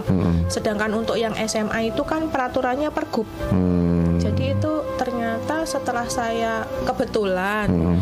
eh, SMP di anak saya itu ada sosialisasinya. Hmm. Juga dijelaskan. Terus kebetulan pada waktu saya pengambilan pinnya itu juga Hmm. itu dari SMA yang bersangkutan itu diadakan sosialisasi juga. Iya. Jadi sebelum pengambilan pin itu dijelaskan seperti ini, seperti ini, seperti Hmm. ini. Jadi saya masih masih apa? Masih tanya. Hmm. Ternyata itu nggak dilakukan di semua SMA yang ada di Kota Madiun. Hmm. Jadi begitu saya ada masalah waktu anak saya nggak nggak keterima di mana-mana itu, Hmm. Ibu-ibu kan banyak yang Hmm, bingung, bertanya. banyak yang bingung Hmm, gini loh. Terus sama apa pihak dari sekolah sudah kan sudah dijelaskan bu seperti ini seperti ini seperti ini loh. Pada waktu itu saya tidak dapat penjelasan itu seperti ini seperti ini. Sebenarnya saya merasa kasihan ya gimana ya. Setelah saya ternyata sosialisasi yang kita lakukan itu masih belum bisa menyentuh banyak kalayak gitu loh. Dengan sistem yang baru, sistem yang zonasi, baru, ya, nilai, prestasi dan Oke. sebagainya Padahal itu. ya. sebenarnya pada tahun kemarin juga sudah zonasi meskipun zonasinya beda. Kalau Hmm. kemarin itu kalau nggak salah masih sudah di apa pilihan pertamanya bisa mana saja, yang kedua harus sesuai Hmm. Zonasi, zona. zona. Kalau yang sekarang itu kan zonanya satu, Hmm. jadi bisa ke mana-mana. Dan pengertian itu masih masih belum. Wong saya yang sudah saya lihat di juknisnya dengan yang sistem online yang ada itu aja sudah berbeda. Hmm. Jadi- Perbedaannya di mana itu, Mbak Lin? Jadi begini, pada waktu saya pengambilan PIN itu sudah saya tegaskan. Mm-mm. Misalnya kan diberi kesempatan untuk memilih dua pilihan, Hmm. pilihan dua sekolah. Saya tanya, itu nanti gimana Pak prosedur seleksinya? Kita karena itu sistem Bu dijelaskan sama bapaknya itu karena itu sistem kita belum tahu itu nanti ke zonasi atau ke nilai. Jadi antara dua dulu Hmm. mau masuk ke zonasi atau ke tapi setelah saya lihat di juknisnya itu ternyata masuk ke zona dulu Baru ke setelah zona prestasi. itu nggak kena ke prestasi Hmm. Terus untuk Nilai. pilihan kedua bagaimana kalau misalnya pilihan pertama tidak tidak kena istilahnya Hmm. sama nanti pilihan kedua juga akan seperti itu Hmm. tapi ternyata pada waktu hari H Mm-mm. itu kemungkinan kesiapan apa kesiapan sistemnya juga belum belum terlalu fix banget Hmm. jadi waktu itu anak saya di pilihan pertama itu zona jelas jauh. Hmm. Soalnya kan jarak antara rumah dengan apa dengan sekolahan itu Hmm. lebih dari satu setengah Hmm. Kilo waktu itu. Hmm. Terus jelas lewat. Otomatis kan masuknya ke nilai. Iya nilai. Dan kuota untuk nilai itu hanya 20% dari kuota yang ada. Itu hanya 50-an berapa. Nah, itu udah terlempar. Otomatis terlempar ke pilihan kedua. Dan terlempar ke pilihan kedua itu nggak ke zona lagi, Pak, tapi langsung ke nilai. Ke nilai. Jadi nggak masuk ke akibatnya karena kuota yang sedikit itu anak saya sudah terlempar. Padahal jarak rumah dia 710 nggak keterima. Mm-mm. Sedangkan posisi pada saat itu 1200 keterima di pilihan kedua. Nah, yang saya pertanyakan itu.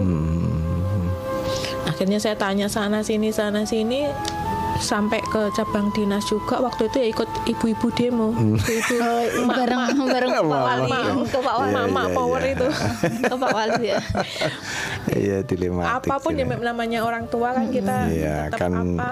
Mengupayakan mengusahakan yang terbaik buat Bukannya saya enggak mau anak saya sekolah di SMA ini atau ini Pak Tetapi yang saya pertanyakan di situ kan Kenapa sistem online yang ada itu tidak sesuai dengan juknis yang ada gitu loh. Itu sudah saya tunjukkan waktu itu ke SMA yang bersangkutan Iya. Yang cuma saya diginikan Itu hanya untuk pilihan pertama Bu Pilihan kedua langsung masuk ke nilai Hmm. Di sini loh bu jelas peraturannya. Kayak gitu. Jadi misalnya pilihan pertama masuk ke zona zona nggak kena masuk ke nilai. Nilai, baru Nilai turun. iya, ke Nah. nilai nggak ambil, masuk ke pilihan kedua itu kembali lagi ke zona, Zona. itu ada pak sebenarnya. Kenapa ini kok nggak sama dengan yang di online? Itu saja yang saya tanyakan. Akhirnya jam 3 lebih atau setengah empat itu saya ditelepon. Coba dilihat sistem onlinenya sudah berubah. Alhamdulillah anak saya masuk. Karena ya memang sistemnya itu yang belum apa belum Fix siap betul. Iya. Itu dari dari zona apa dari nilai itu kebetulan Dari zona, waktu itu dari zona ya.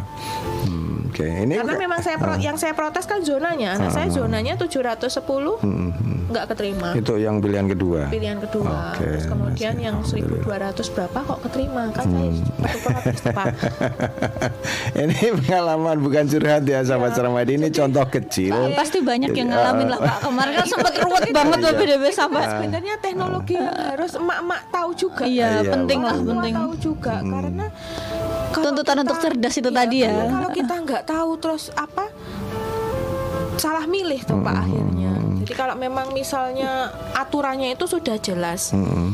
eh, ke, ke zona dulu terus ke nilai ke zona dulu ke nilai kan kita Iya. bisa melihat tuh jaraknya Iya, rumah iya. kita ke sekolah itu berapa terus nilai anak kita itu berapa sebenarnya saya memilih pilihan pertama dan kedua itu juga bukan tanpa pertimbangan sebenarnya saya sebenarnya disalahkan waktu itu Iya.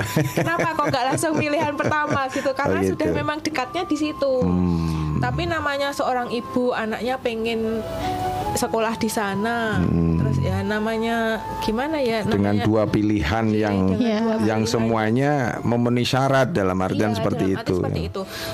Bayangan saya waktu itu, kalaupun anak saya nggak kepilih di Ke pilihan zona, pertama, uh-uh. masih bisa di pilihan Pilihan kedua. kedua, kedua. Kan saya juga istilahnya kalau anak saya mempunyai keinginan seperti itu, kalau memang dia nggak mampu, i- istilahnya nilainya jelek atau jaraknya itu terlalu Hmm. Beda jauh cerita. semua, kan saya juga mengarahkannya Iya, nggak beda ke situ. cerita Tapi kan lah. Hmm. saya lihat kok sepertinya, kalaupun nggak pilihan pertama, nanti pilihan kedua, insya Allah mesti masuknya Eh, saya sebenarnya disalahkan. Kenapa nggak langsung pilihan pertama? Iya, iya nggak apa-apa. Karena saya memang lihat ininya begini bu. Alhamdulillah sampai Oke. sekarang anak saya sudah dapat sekolah. Iya, ini contoh kecil sahabat Ramadan sekali lagi ini bukan curhat dan tentunya ini terkait dengan tema malam hari ini bahwasanya ibu cerdaslah yang yang dibutuhkan pada era industri sekarang yang saat ini industri digital.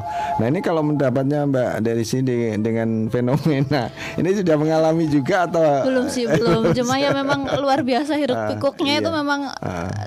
ya itu tadi sampai Pak Wali Kota harus turun sepertinya kemarin menenangkan demo Iya, baik sahabat Ramadan kita beri kesempatan yang sudah hadir di sini di 461817 selamat malam. Selamat malam Nggih. saya lagi Mas Edu. J monggo silakan Om John. Pesan ya. Oh, enggak, enggak silakan Ma- ma- ada masukan. Ini Hmm. untuk ibu-ibu kita kan seperti temanya itu untuk menyerdaskan ibu. Hmm. Ya se- setidaknya ibu-ibu dan kita semua Hmm. bisa memahami keahlian ibu-ibu atau kewanitaan. Jadi bidangnya di kewanitaan kan. Jadi pre- apa itu keahliannya sehubungan dengan itu juga yang kaum prianya. Tapi sekarang ke- kelihatannya Bapak-bapak bisa masak, ada yang bisa masak. Ibu-ibu ada yang bisa setir kendaraan, ya kan? Juga dalam olahraga Ah. sudah bisa bersaing dengan kaum pria. Hmm. Nah, tapi untuk untuk menuju kemajuan sukses, untuk mencerdaskan ibu-ibu, baik semuanya saja, Iya. jangan meninggalkan Kodrati ya. feeling, Hmm. ilham, Hmm. bimbingan yang tidak kita sadari ketahui itu sangat membantu. Jadi kalau seperti sebelum istri saya meninggal beberapa bulan sebelumnya istri saya kan bisa masak buat roti, buat ini, Oke. masak. Saya pikiran saya kalau saya saat ini tidak mau belajar dari istri saya. Nanti sesuatu saat kalau terjadi ter- sesuatu terhadap istri saya saya gak bisa mengambil manfaat apa yang di- dibisai istri saya. Begitu. Oke. kalau dari pengalaman masa kecil Mas Edo. Hmm.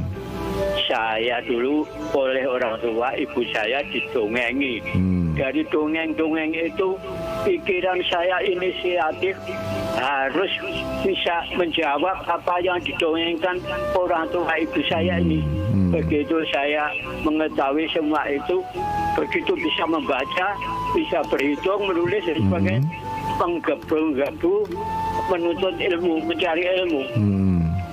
Jadi sangat antusias sekali untuk bisa menguasai semuanya. Hmm. Dan feelingnya Mas Edo, Ya. waktu saya masih sekolah rakyat dulu, Hmm. kira-kira kelas 4, aku besok SMP ku setelah tamat sekolah rakyat neng sekolahan SMP Iko. Hmm.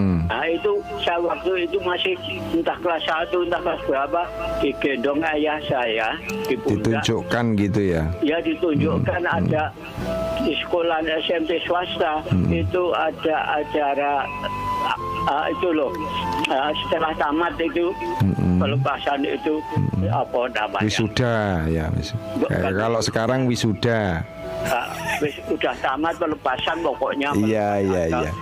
Murid baru dan sebagainya Ya, kelulusan lah. Hmm. ya Hmm. wis ternyata di situ juga karena SMA negeri SMP negeri belum ada Hmm. setelah saya tamat SMP ternyata masuk situ Hmm. setelah tamat situ sebelumnya saya masih sekolah rakyat kelas 4 juga nek wis tamat sekolah SMP kuwi aku sekolah lanjut penerusnya sekolah yang tinggi tinggi di kota Surabaya Hmm. ternyata betul Hmm. Nah, sebelum saya di Surabaya saya sekolah saya melanjutkan ke SMA Hmm. waktu SMA itu saya langganan kereta api Mas itu. Hmm. Jadi sewaktu anak atau berangkat sekolah ada teman saya, Rek, neng pe- ah, perusahaan ini membu uh, iku tamat SMP ae wis enek jabatane.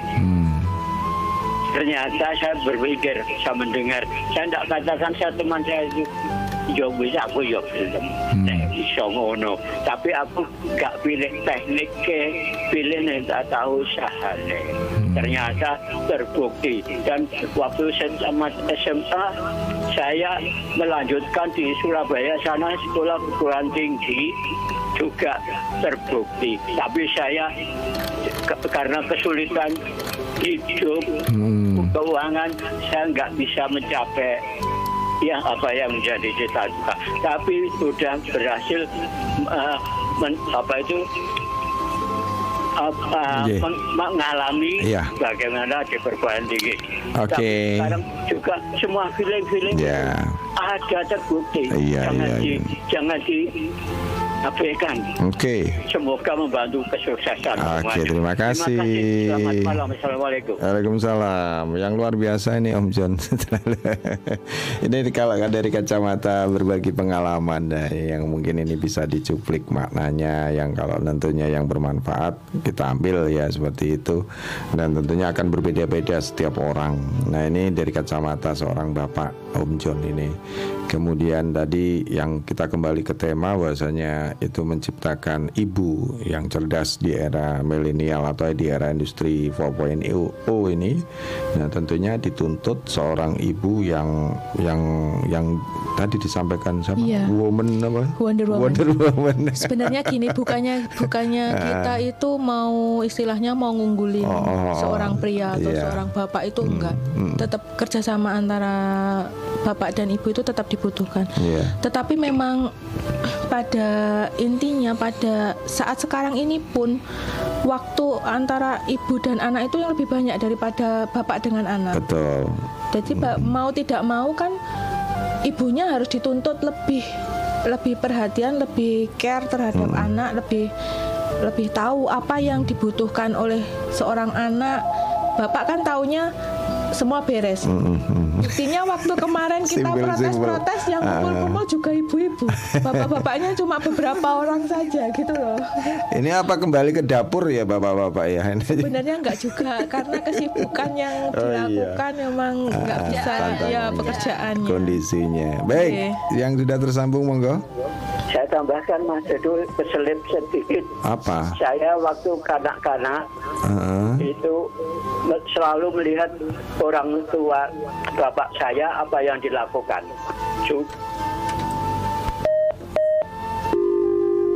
Jatuh. Iya terima kasih. Ini berbagi pengalaman monggo untuk Om John mungkin eh, yang terkait dengan tema. Ini pengalaman eh, sharing saya kira sudah cukup untuk bisa dicuplik ya. Eh, ini kesimpulannya memang eh, intinya bahwasanya antara peran bapak dan ibu itu harus ada keseimbangan gitu Mbak Arin Iya ya. betul. Tetap tetap dibutuhkan suatu kerjasama tetap.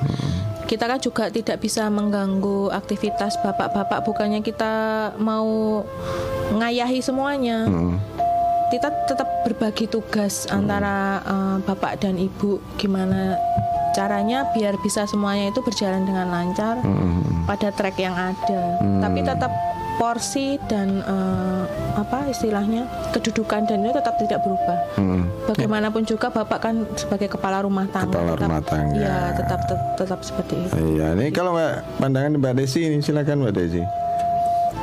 ya memang semua itu kan tetap pada porsinya. Cuma di sini kan bahwa ibu itu kalau tema kita kan ibu yang cerdas. Jadi Ah, ah. kalau bisa ibu itu hanya jangan melulu ngurusin makan dan minumnya anak tapi juga karena anak sekarang itu kebutuhannya nggak cuma makan nggak cuma minum tapi juga informasi teknologi pendidikan. Mungkin kalau dulu bisa dilesin misalnya kalau hanya pengetahuan. Kalau sekarang kan tidak cukup di situ bahwa kita juga harus benar-benar ikut masuk di dalam pendidikan anak itu sendiri Oh. nggak hanya pasrah ke guru atau pasrah ke pelatih dan sebagainya Ya, Oke, kita beri kesempatan monggo silakan. Halo. Halo, selamat malam. Mas Halo juga. Assalamualaikum warahmatullahi wabarakatuh. Waalaikumsalam warahmatullahi wabarakatuh. Ada Mbak Wulan, kabar sehat ya Mbak? Alhamdulillah luar biasa Allah Akbar dengan Mbak siapa ya? Mbak Arin sama Mbak Desi ini Mbak Arin sama Mbak Desi. dari kelompok informasi masyarakat Anyelir. Oh gitu. Kemarin hadir nggak kemarin itu? Ah, nampaknya hadir dong Di mana? Gitu. di gor itu. Ya. Hadir, hadir, hadir. hadir. Hmm. Oh, yang kepala di kepala digaruk kelapa di parut. Nggak ikut tuh ternyata. Udah pulang Udah ya. pulang itu. Takut kena hukuman Mbak Ulan. iya itu makanya. Ya memang bagaimanapun peran seorang ibu itu adalah lebih dari ayah. Kenapa saya bilang seperti itu ya? Mm-mm. terutama untuk eh, anak-anak itu kan nggak mungkin kalau curhat ke bapak misalnya eh, anak ini ini ini geladrah ke mana-mana ini ya Nggak apa-apa ini secara umum saja. Ah, Nggak nyebut si A si B. ya. anak misalnya anak-anak udah gede udah kuliah atau eh, lulus kuliah atau sedang kuliah atau di SMA ya Ya. bahkan di SMP pun zaman sekarang ini luar biasa pokoknya Hmm. Masalah pacar nggak mungkin ya. Kalau curhat ke bapak itu kan nggak mungkin. Pasti pasti ke ibu. Kalau paling kalau ke bapak ah sana lo curhat sama sama ayahmu. Enggak aku takut disentak gitu. kalau sama seorang ibu kan lembut. Gitu makanya Itu itulah- kodratnya ya.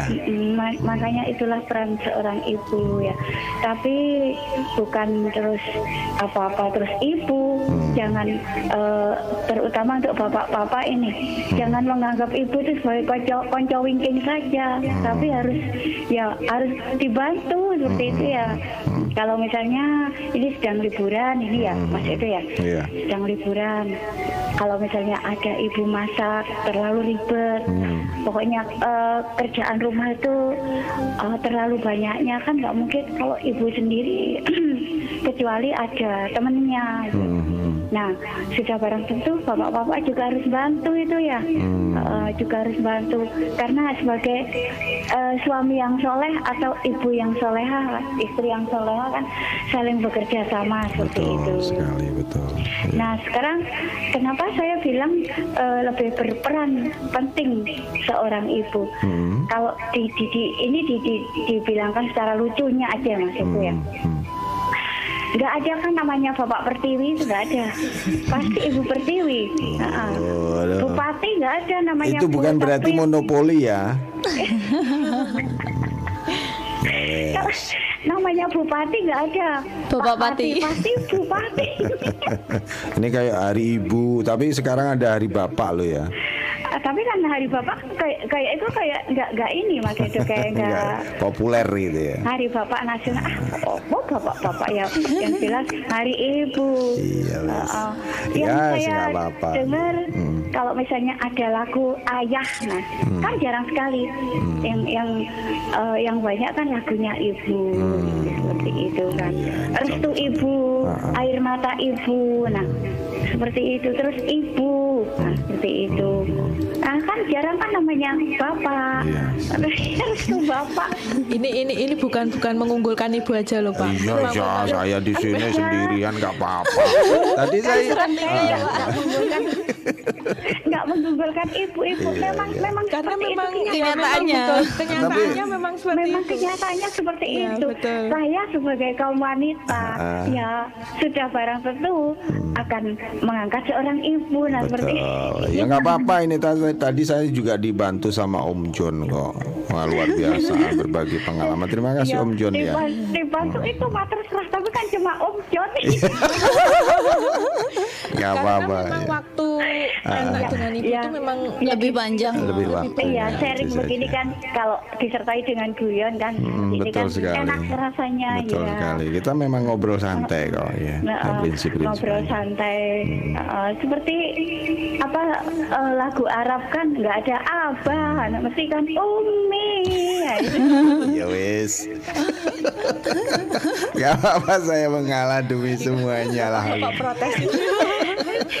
Habis ini yang telepon langsung bapak-bapak semua. Iya. Ah, ya. terus ini melahir eh, terutama Ya, melahirkan. eh, apa itu namanya Eh, melahirkan nah Hmm. kan itu juga kan ibu Iya. namanya bapak itu sakitnya cuma satu kali loh. Iya, iya, iya. Tapi kalau ibu sakitnya berkali-kali. Iya, iya, Mbak Wulan. Ini kembali ke tema Mbak Wulan. Jadi yang kita angkat di sini kan memang membentuk satu ibu yang cerdas di era Betul sekali. industri sekarang ini memang sangat dibutuhkan seorang ibu yang cerdas. Nah ini menurut pandangan atau pemikiran Mbak Wulan ini kaitannya dengan teknologi terutama kan tidak hanya gadget ya. Jadi banyak sekali yang harus tadi dicontohkan oleh Mbak Arin sebagai narasumber ini. lagi ya, Nah kemudian ada zonasi. Pembinaan ke UMKM usaha mikro dan sebagainya ini ini contoh-contoh kecil yang dilakukan oleh kelompok informasi masyarakat. Nah ini secara umum eh, menurut pandangan dari Mbak Wulan sih dengan Seorang ibu yang seorang cerdas. ibu yang cerdas ini ah, seperti apa begitu Ya itu tadi ya, kan. menyikapi itu tadi. Selain itu ada menambahkan maksud saya begitu. Nah seperti tadi saya saya, saya Ya. idem yang di atas gitu. Seorang seorang ibu yang cerdas itu ya kalau menurut saya ya ini eh, nggak tahu kalau ini kan Pendapat namanya pendapat pribadi, orang, ya. namanya pendapat orang itu kan masing-masing. Masing-masing ya. betul sesuai kondisinya kan begitu. Seorang ibu yang cerdas ya eh, tahu akan keberadaan saat ini bagaimana eh, eh, apa di zaman milenial ini kan banyak banget eh, namanya positif, negatif, eh, berita hoax ataupun berita yang benar eh, kan gitu ya. Iya. Nah itu juga dibutuhkan seorang ibu yang cerdas kan sudah barang tentu Hmm, kan itu. Makanya eh, harus tahu apa namanya anak eh, main HP eh, walaupun sudah SMA itu kan juga tidak lepas dari pengawasan seorang ibu. Nah itu. Ya, terus ma- eh, masalah UMKM sudah barang tentu kalau bapak itu kan tidak berperan tinggi ya Hmm. namanya eh, ibu yang berperan yang berperan tinggi. Nah seperti itu. Kalau menurut saya loh itu Iya, ya. iya, iya. Eh, eh, seperti itu ya memang pengalaman orang itu kan sendiri-sendiri kan Ya. tapi luar biasa loh Mas Edo seorang ibu itu kok nggak bisa masak belajar nah kalau Oh bapak kan iya, mau belajar iya memanfaatkan gadget ya. ya iya Resep apa sih yang mau dicari langsung gadget yang dipegang. Ya. Ya itu seperti nggak bisa masak. Nah ini ya maaf ya kalau apa luar tema apa eh, apa memang temanya ini. Seperti nggak bisa masak lah. Eh, seorang ibu kan berusaha terus. Mm-mm. nggak mungkin mau menyerahkan nggak mungkin. Mencari eh, dalam Literatur. Eh, eh, seperti itu kan menemukan dipraktekkan kan, kan. kalau bapak mana ada seperti itu Ya, karena ada tugasnya sih yang berbeda Mbak Ulan. apa Ya, ber- tugasnya kan berbeda. Iya, kalau pas lagi tugas kayak gitu nggak mas, nggak nggak nggak ini nggak apa ya namanya. Kalau lagi pas tugasnya seperti itu sih nggak masalah. Tapi kalau misalnya kan yang yang di apa yang dimanfaatkan itu ketika libur bersama seperti itu seorang ayah libur, seorang ibu libur. Nah itu kan harus dimanfaatkan Betul. sebenarnya bersama-sama Iya, seperti iya. itu, Memang Mas. dibutuhkan Eko. kebersamaan Mm-mm, dan dibutuhkan kekompakan. kebersamaan. Oke. Uh, uh, seperti Saling itu. memahami tugasnya masing-masing gitu ya. Betul, Yes. iya. Untung Tapi- saya nggak dibully. Tapi ya, undang-undang jangan saya lantas, Pak. eh, tapi Iya, iya. jangan lantas seorang seorang seorang ayah mentang-mentang ada ibu yang berperan tinggi, Hmm. kemudian ibu yang cerdas, lalu bapak menyerah, jangan. Hmm, gitu ya. Harus Patut dibantu juga ya. Betul, saling makanya harus membantu. eh, secara kebersamaan ketika ada waktu. Hmm, baik, ini saya hadiahi lagu apa ini lagunya Eh? Bulan? Aku minta restu ibu aja. Restu ibu, restu ibu lagi, restu bapaknya kapan? Mah, nggak nggak ada. Ya sudah, nggak apa-apa. Besok ya saya udah. ciptakan sendiri restu bapak ya. Eh, ya wes, nggak apa-apa. Kan Oke. lebih bagus kalau kayak gitu Oke, mah. oke, Eh, terima kasih. Hmm. Ya udah buat Mas Edo, Ya. Mbak Arin, Mbak Desi, selamat bertugas. Terima kasih. hi- hingga usai nanti tak ada halangan suatu apa pun. Hati-hati nanti Mbak Desi sama Mbak Arin di jalan. Amin. Salam buat Ananda, keluarga di rumah. Siap, Ibu. Ya, amin. nanti disampaikan sama. Uh, makasih waktunya. Sama-sama. Wassalamualaikum warahmatullahi wabarakatuh. Waalaikumsalam warahmatullahi wabarakatuh. Terima kasih. Ini ada Mbak Ulan yang juga sebagai seorang ibu dan tentunya kita sama-sama tahu ya untuk secara umum ya Mbak Arin. Ini sekarang Kalian ganti, kalau kita ganti tanya Ah, ke Bang Edo. Monggo silakan Kalau apa yang pandangannya Bang Edo selama ini gimana ini dengan apa istilahnya eh, dengan putranya Ah, ah. Eh, sekarang gini. selama ini tuh apa seperti yang telah saya sampaikan memang porsinya seorang ibu itu lebih besar daripada porsinya seorang bapak. Eh, ya tergantung. Jadi eh, kalau saya ber- berpendapat secara pribadi memang sangat sangat berbeda ya antara satu dengan yang lain karena karakter dari satu keluarga dan keluarga yang lain akan sangat berbeda Iya, betul, menempatkan prinsip eh, keluarga itu sendiri. Kalau saya di kacamata saya sebagai kepala keluarga ya harus mendudukkan sebagai kepala keluarga itu tugasnya apa saja kan begitu. Dan tidak tidak menutup kemungkinan juga ketika seorang ibu ini membutuhkan bantuan pemikiran nah ini seorang bapak harus juga harus mensupport. koordinasi. iya dong pasti. Ada keseimbangan seperti Iya. itu. Kalau dari kacamata saya bukan berarti ini untuk umum ndak. Jadi, jadi semuanya yang ini bukan pembelaan ya Pak ya. Iya, iya, bukan, bukan. Jadi, jadi memang itu yang dibutuhkan. Jadi, ketika salah, salah satu pihak yang membutuhkan pemikiran atau mungkin solusi, mencari solusi ketika menghadapi masalah, ya harus duduk bersama Tetap. begitu. Seperti berarti itu. bukan, bukan berarti kita sebagai seorang ibu harus memutuskan ini ini ini kan tetap dalam memutuskan sesuatu kita tetap berbicara. Ya, secara idealnya kalau menurut saya idealnya seperti itu. Ya, oke baik yang sudah tersambung monggo. Ya, Mas Edo. Ah, mohon maaf ini tadi terputus. Silakan ada menambahkan. Gini, Hmm. eh, apa itu namanya? Kita kita ini Hmm. sudah lama anak mengikuti jejak orang tua atau meneladani. Ya. Tua mena- untuk meneladani anak. Oh.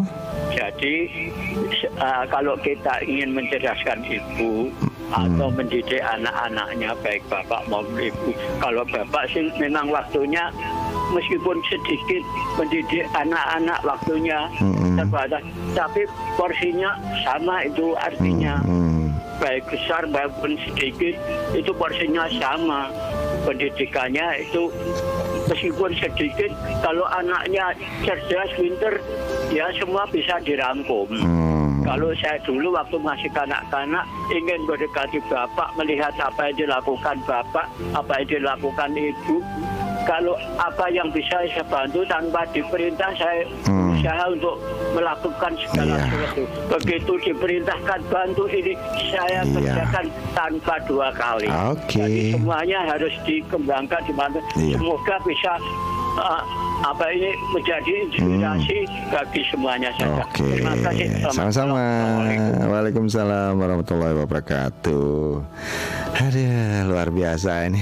Semakin menarik saja apa namanya. Tapi saya khawatir eh, melebar ke mana-mana. Tapi paling tidak kita mengerucut di tema yang malam hari ini. Yang ini. Yang jelas kita memang dalam kehidupan sehari-hari tidak lepas dari yang namanya teknologi apa pun. Kalau dulu yang yang yang mungkin zaman-zaman now, eh, zaman-zaman old ya seperti itu. Kalau kita eh, membuat semacam alat masak seperti kompor ya begitu itu harus menggunakan kayu bakar dan sebagainya. Dengan teknologi sekarang muncul uh, perkembangan inovasi. Ada yang pakai listrik ada yang Kompor pakai gas. gas ya. Ada yang bentuknya semacam apa. Itulah inovasi ya, teknologi yang seperti itu. Dan ini tidak menutup kemungkinan.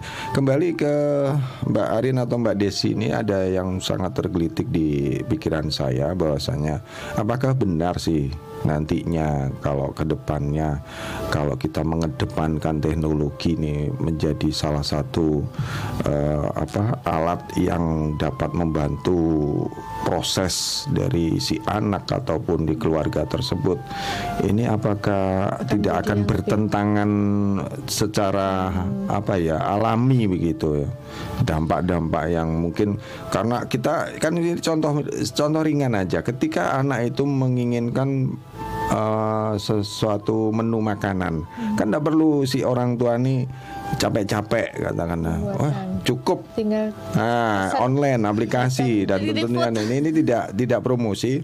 Yang sekarang ya saya heran itu seperti itu. Ya, si anak bahkan bisa memesan sesuatu dengan tanpa susah payah untuk datang ke warungnya atau ke ke depot makan ya ini contoh kulinernya saja. Nah, ini apakah itu ndak ndak ndak merupakan satu apa namanya eh, tantangan tersendiri ketika si anak ini pengen tahu menu yang sebenarnya itu buatan buatan dari bahan apa sih sebenarnya. Saya khawatirnya begini ketika anak ini pesan sesuatu makanan nggak taunya prosesnya nggak tahu. Nah ini ini apakah nantinya ke depan ya pandangan kita nggak tahu nanti namanya namanya dalam tanda itu nasi pecel katakanlah ini banyak apa saja dia lupa Iya. seperti itu saya khawatirnya ke sana nggak kira-kira menurut penjenengan pandangan penjenengan Kalau ya kemungkinan ke arah situ tetap ada, Hmm. tetapi kan eh, kembali lagi itu kan merupakan suatu kebiasaan.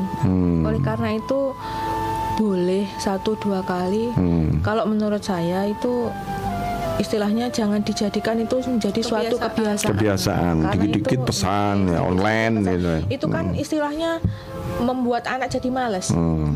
lumuh gitu kan. Nah itu itu yang perlu kita rubah sedikit adanya pendampingan itu seperti itu. Karena kalau kita nggak selalu mendampingi seperti mereka bermain game online akhirnya kan yang kena juga orang tua. Misalnya tagihannya telepon jadi sekian sekian. Itu karena kan ketidaktahuan kita sebagai orang tua apa yang sudah dilakukan oleh anak kita dengan gadgetnya itu kan imbasnya tetap ke kita. Oleh karena itu sebelum itu terjadi dan sebelum itu menjadi suatu kebiasaan, suatu habit yang susah untuk dirubah, itu yang sekiranya menurut saya itu yang agak eh, mulai sekarang itu eh, yang kita sosialisasikan itu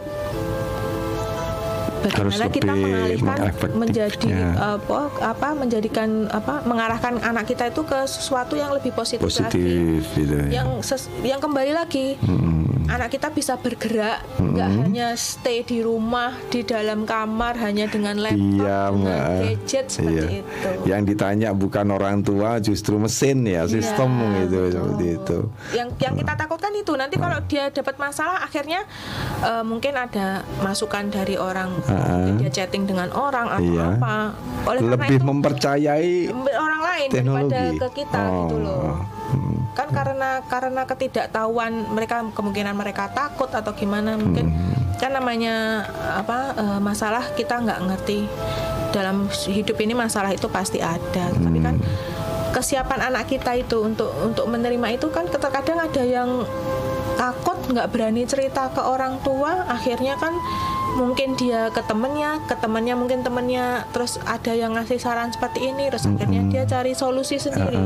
Nah itu yang yang ditakutkan kan seperti itu takutnya solusi yang dia cari itu Kebetulan salah. kebetulan salah Iya, gitu loh Terus karena itu untuk menjaga itu ya hubungannya antara kita dengan anak itu ya, yang saya jaga memang di situ. Mm-mm. Ini Mbak Mbak Desi mau menambahkan Jadi lebih ke preventif ya. preventif ya. lebih mencegah daripada mengobati itu Betul, tadi betul. ya itu sih jadi ya kedekatan hubungan itu tadi yang nggak disampaikan Mbak Arin bahwa Hmm. itu sangat penting dan ya itu jangan mulai membiasakan ketika anak sudah mulai kita kita lah yang tahu batasnya kita lah yang harus harus memang bisa membatasi wah anak kita udah terlalu sering nih kita harus mulai cut kita harus mulai jadi ya memang itu tadi tuntutannya bahwa sebagai ibu harus cerdas ya mulai harus tahu bahwa bisa mulai membatasi kayak gitu-gitu sih Pak. tahu dalam yang artian membatasi benar-benar yang positif. dibutuhkan. Iya, yang- Iya.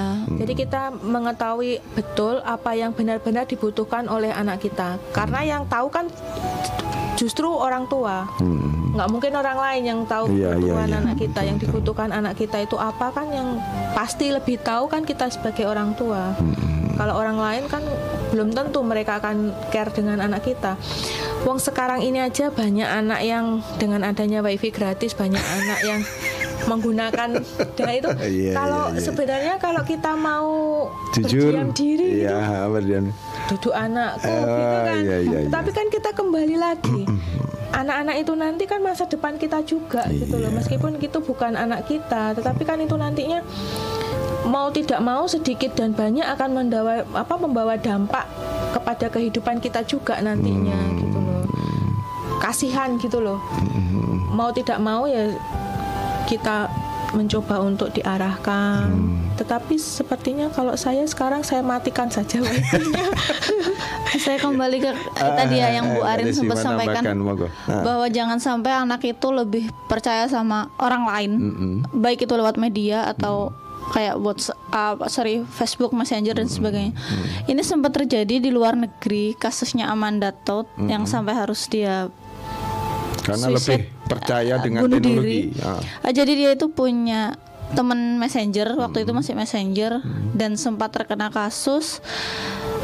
Jadi dia lebih ininya sama temen chattingnya dan dia bukan menyelesaikan dengan orang tua, dia justru memendam kasusnya sampai lebih rumit. Ah, jadi dia terkena kasus pornografi, Pak. Dia snap Iya, iya, iya. eh, snap dengan teman messengernya dan itu dipublish sama jadi dia itu diancam sampai seperti itu dan dia itu eh, menutup dirinya nggak nggak cerita sampai akhirnya sudah lebar baru dia cerita dan orang tuanya baru tahu dan kasusnya sudah tidak tertolong sampai akhirnya dia bunuh diri.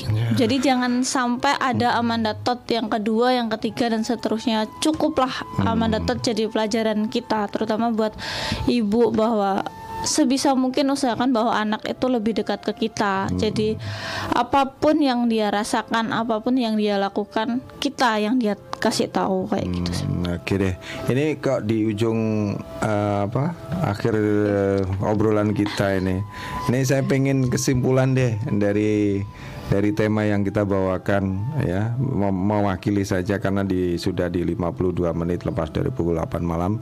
Nah ini kesimpulan kita Iya. dalam obrolan malam hari ini yang terkait dengan ibu cerdas. Apa sih sebenarnya yang kita obrolkan ini inti dari membentuk satu ibu yang cerdas menurut Mbak Arin ini. Monggo Iya. silakan atau Mbak Desi. Baik menurut Nah. saya ibu yang cerdas itu kan ibu yang bisa memposisikan dirinya baik sebagai ibu, baik sebagai teman, baik sebagai apa pun yang dibutuhkan eh, yang menjadi kebutuhan seorang anak.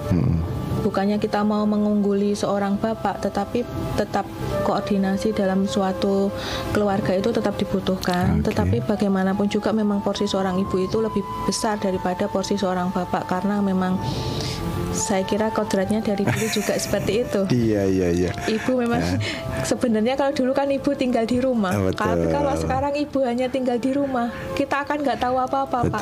Konco wingking ya. tadi Ya, ya, bulan tadi ya. Nanti malah Oke. akhirnya kasihan gitu loh.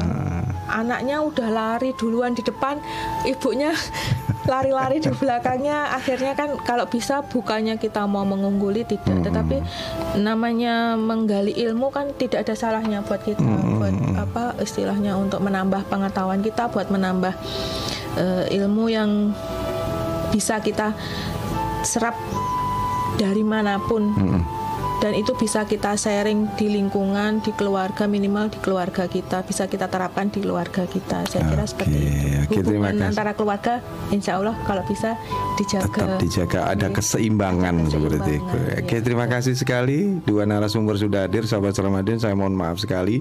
Untuk eh, acara ini kita harus sudahi, kita akhiri. Dan terima kasih Mbak Desi, Mbak Arin. Jangan kapok ya dengan hadir di sini. Dan tentunya kita akan tetap me- membawakan tema tentang literasi TIK dan tidak terbatas di gadget dan sebagainya nanti akan dengan literasi-literasi yang lain. Baik, kesimpulan sahabat Ramadan bisa saya sampaikan di sini bahwasanya obrolan malam ini ibu rumah tangga ini sebenarnya memang sangat membutuhkan satu uh, suasana yang cerdas ya dalam menghadapi perkembangan teknologi. Jadi apabila seorang ibu ini tidak mengikuti perkembangan teknologi, nah ini akan menjadikan sesuatu yang menjadi halangan untuk menghadapi kehidupan saat ini. Dan tentunya seorang ibu rumah tangga ini akan terlihat cerdas dan pintar. Nah, ini akan menciptakan satu peluang ya dalam kehidupan. Peluang apa pun yang yang yang akan dihadapi dalam era industri sekarang ini. Dan peluang itu bermacam-macam ya, baik itu keluarga dan sebagainya, usaha dan sebagainya. Itu saya kira yang bisa kita simpulkan dan terima kasih kita eh, akan bertemu kembali di tema yang berbeda di acara literasi TIK yang hadir di setiap hari Rabu uh, di setiap minggunya. Sampai ketemu di lain kesempatan. Wabillahi taufiq wal hidayah. Wassalamualaikum warahmatullahi wabarakatuh. Sampai jumpa. Assalamualaikum.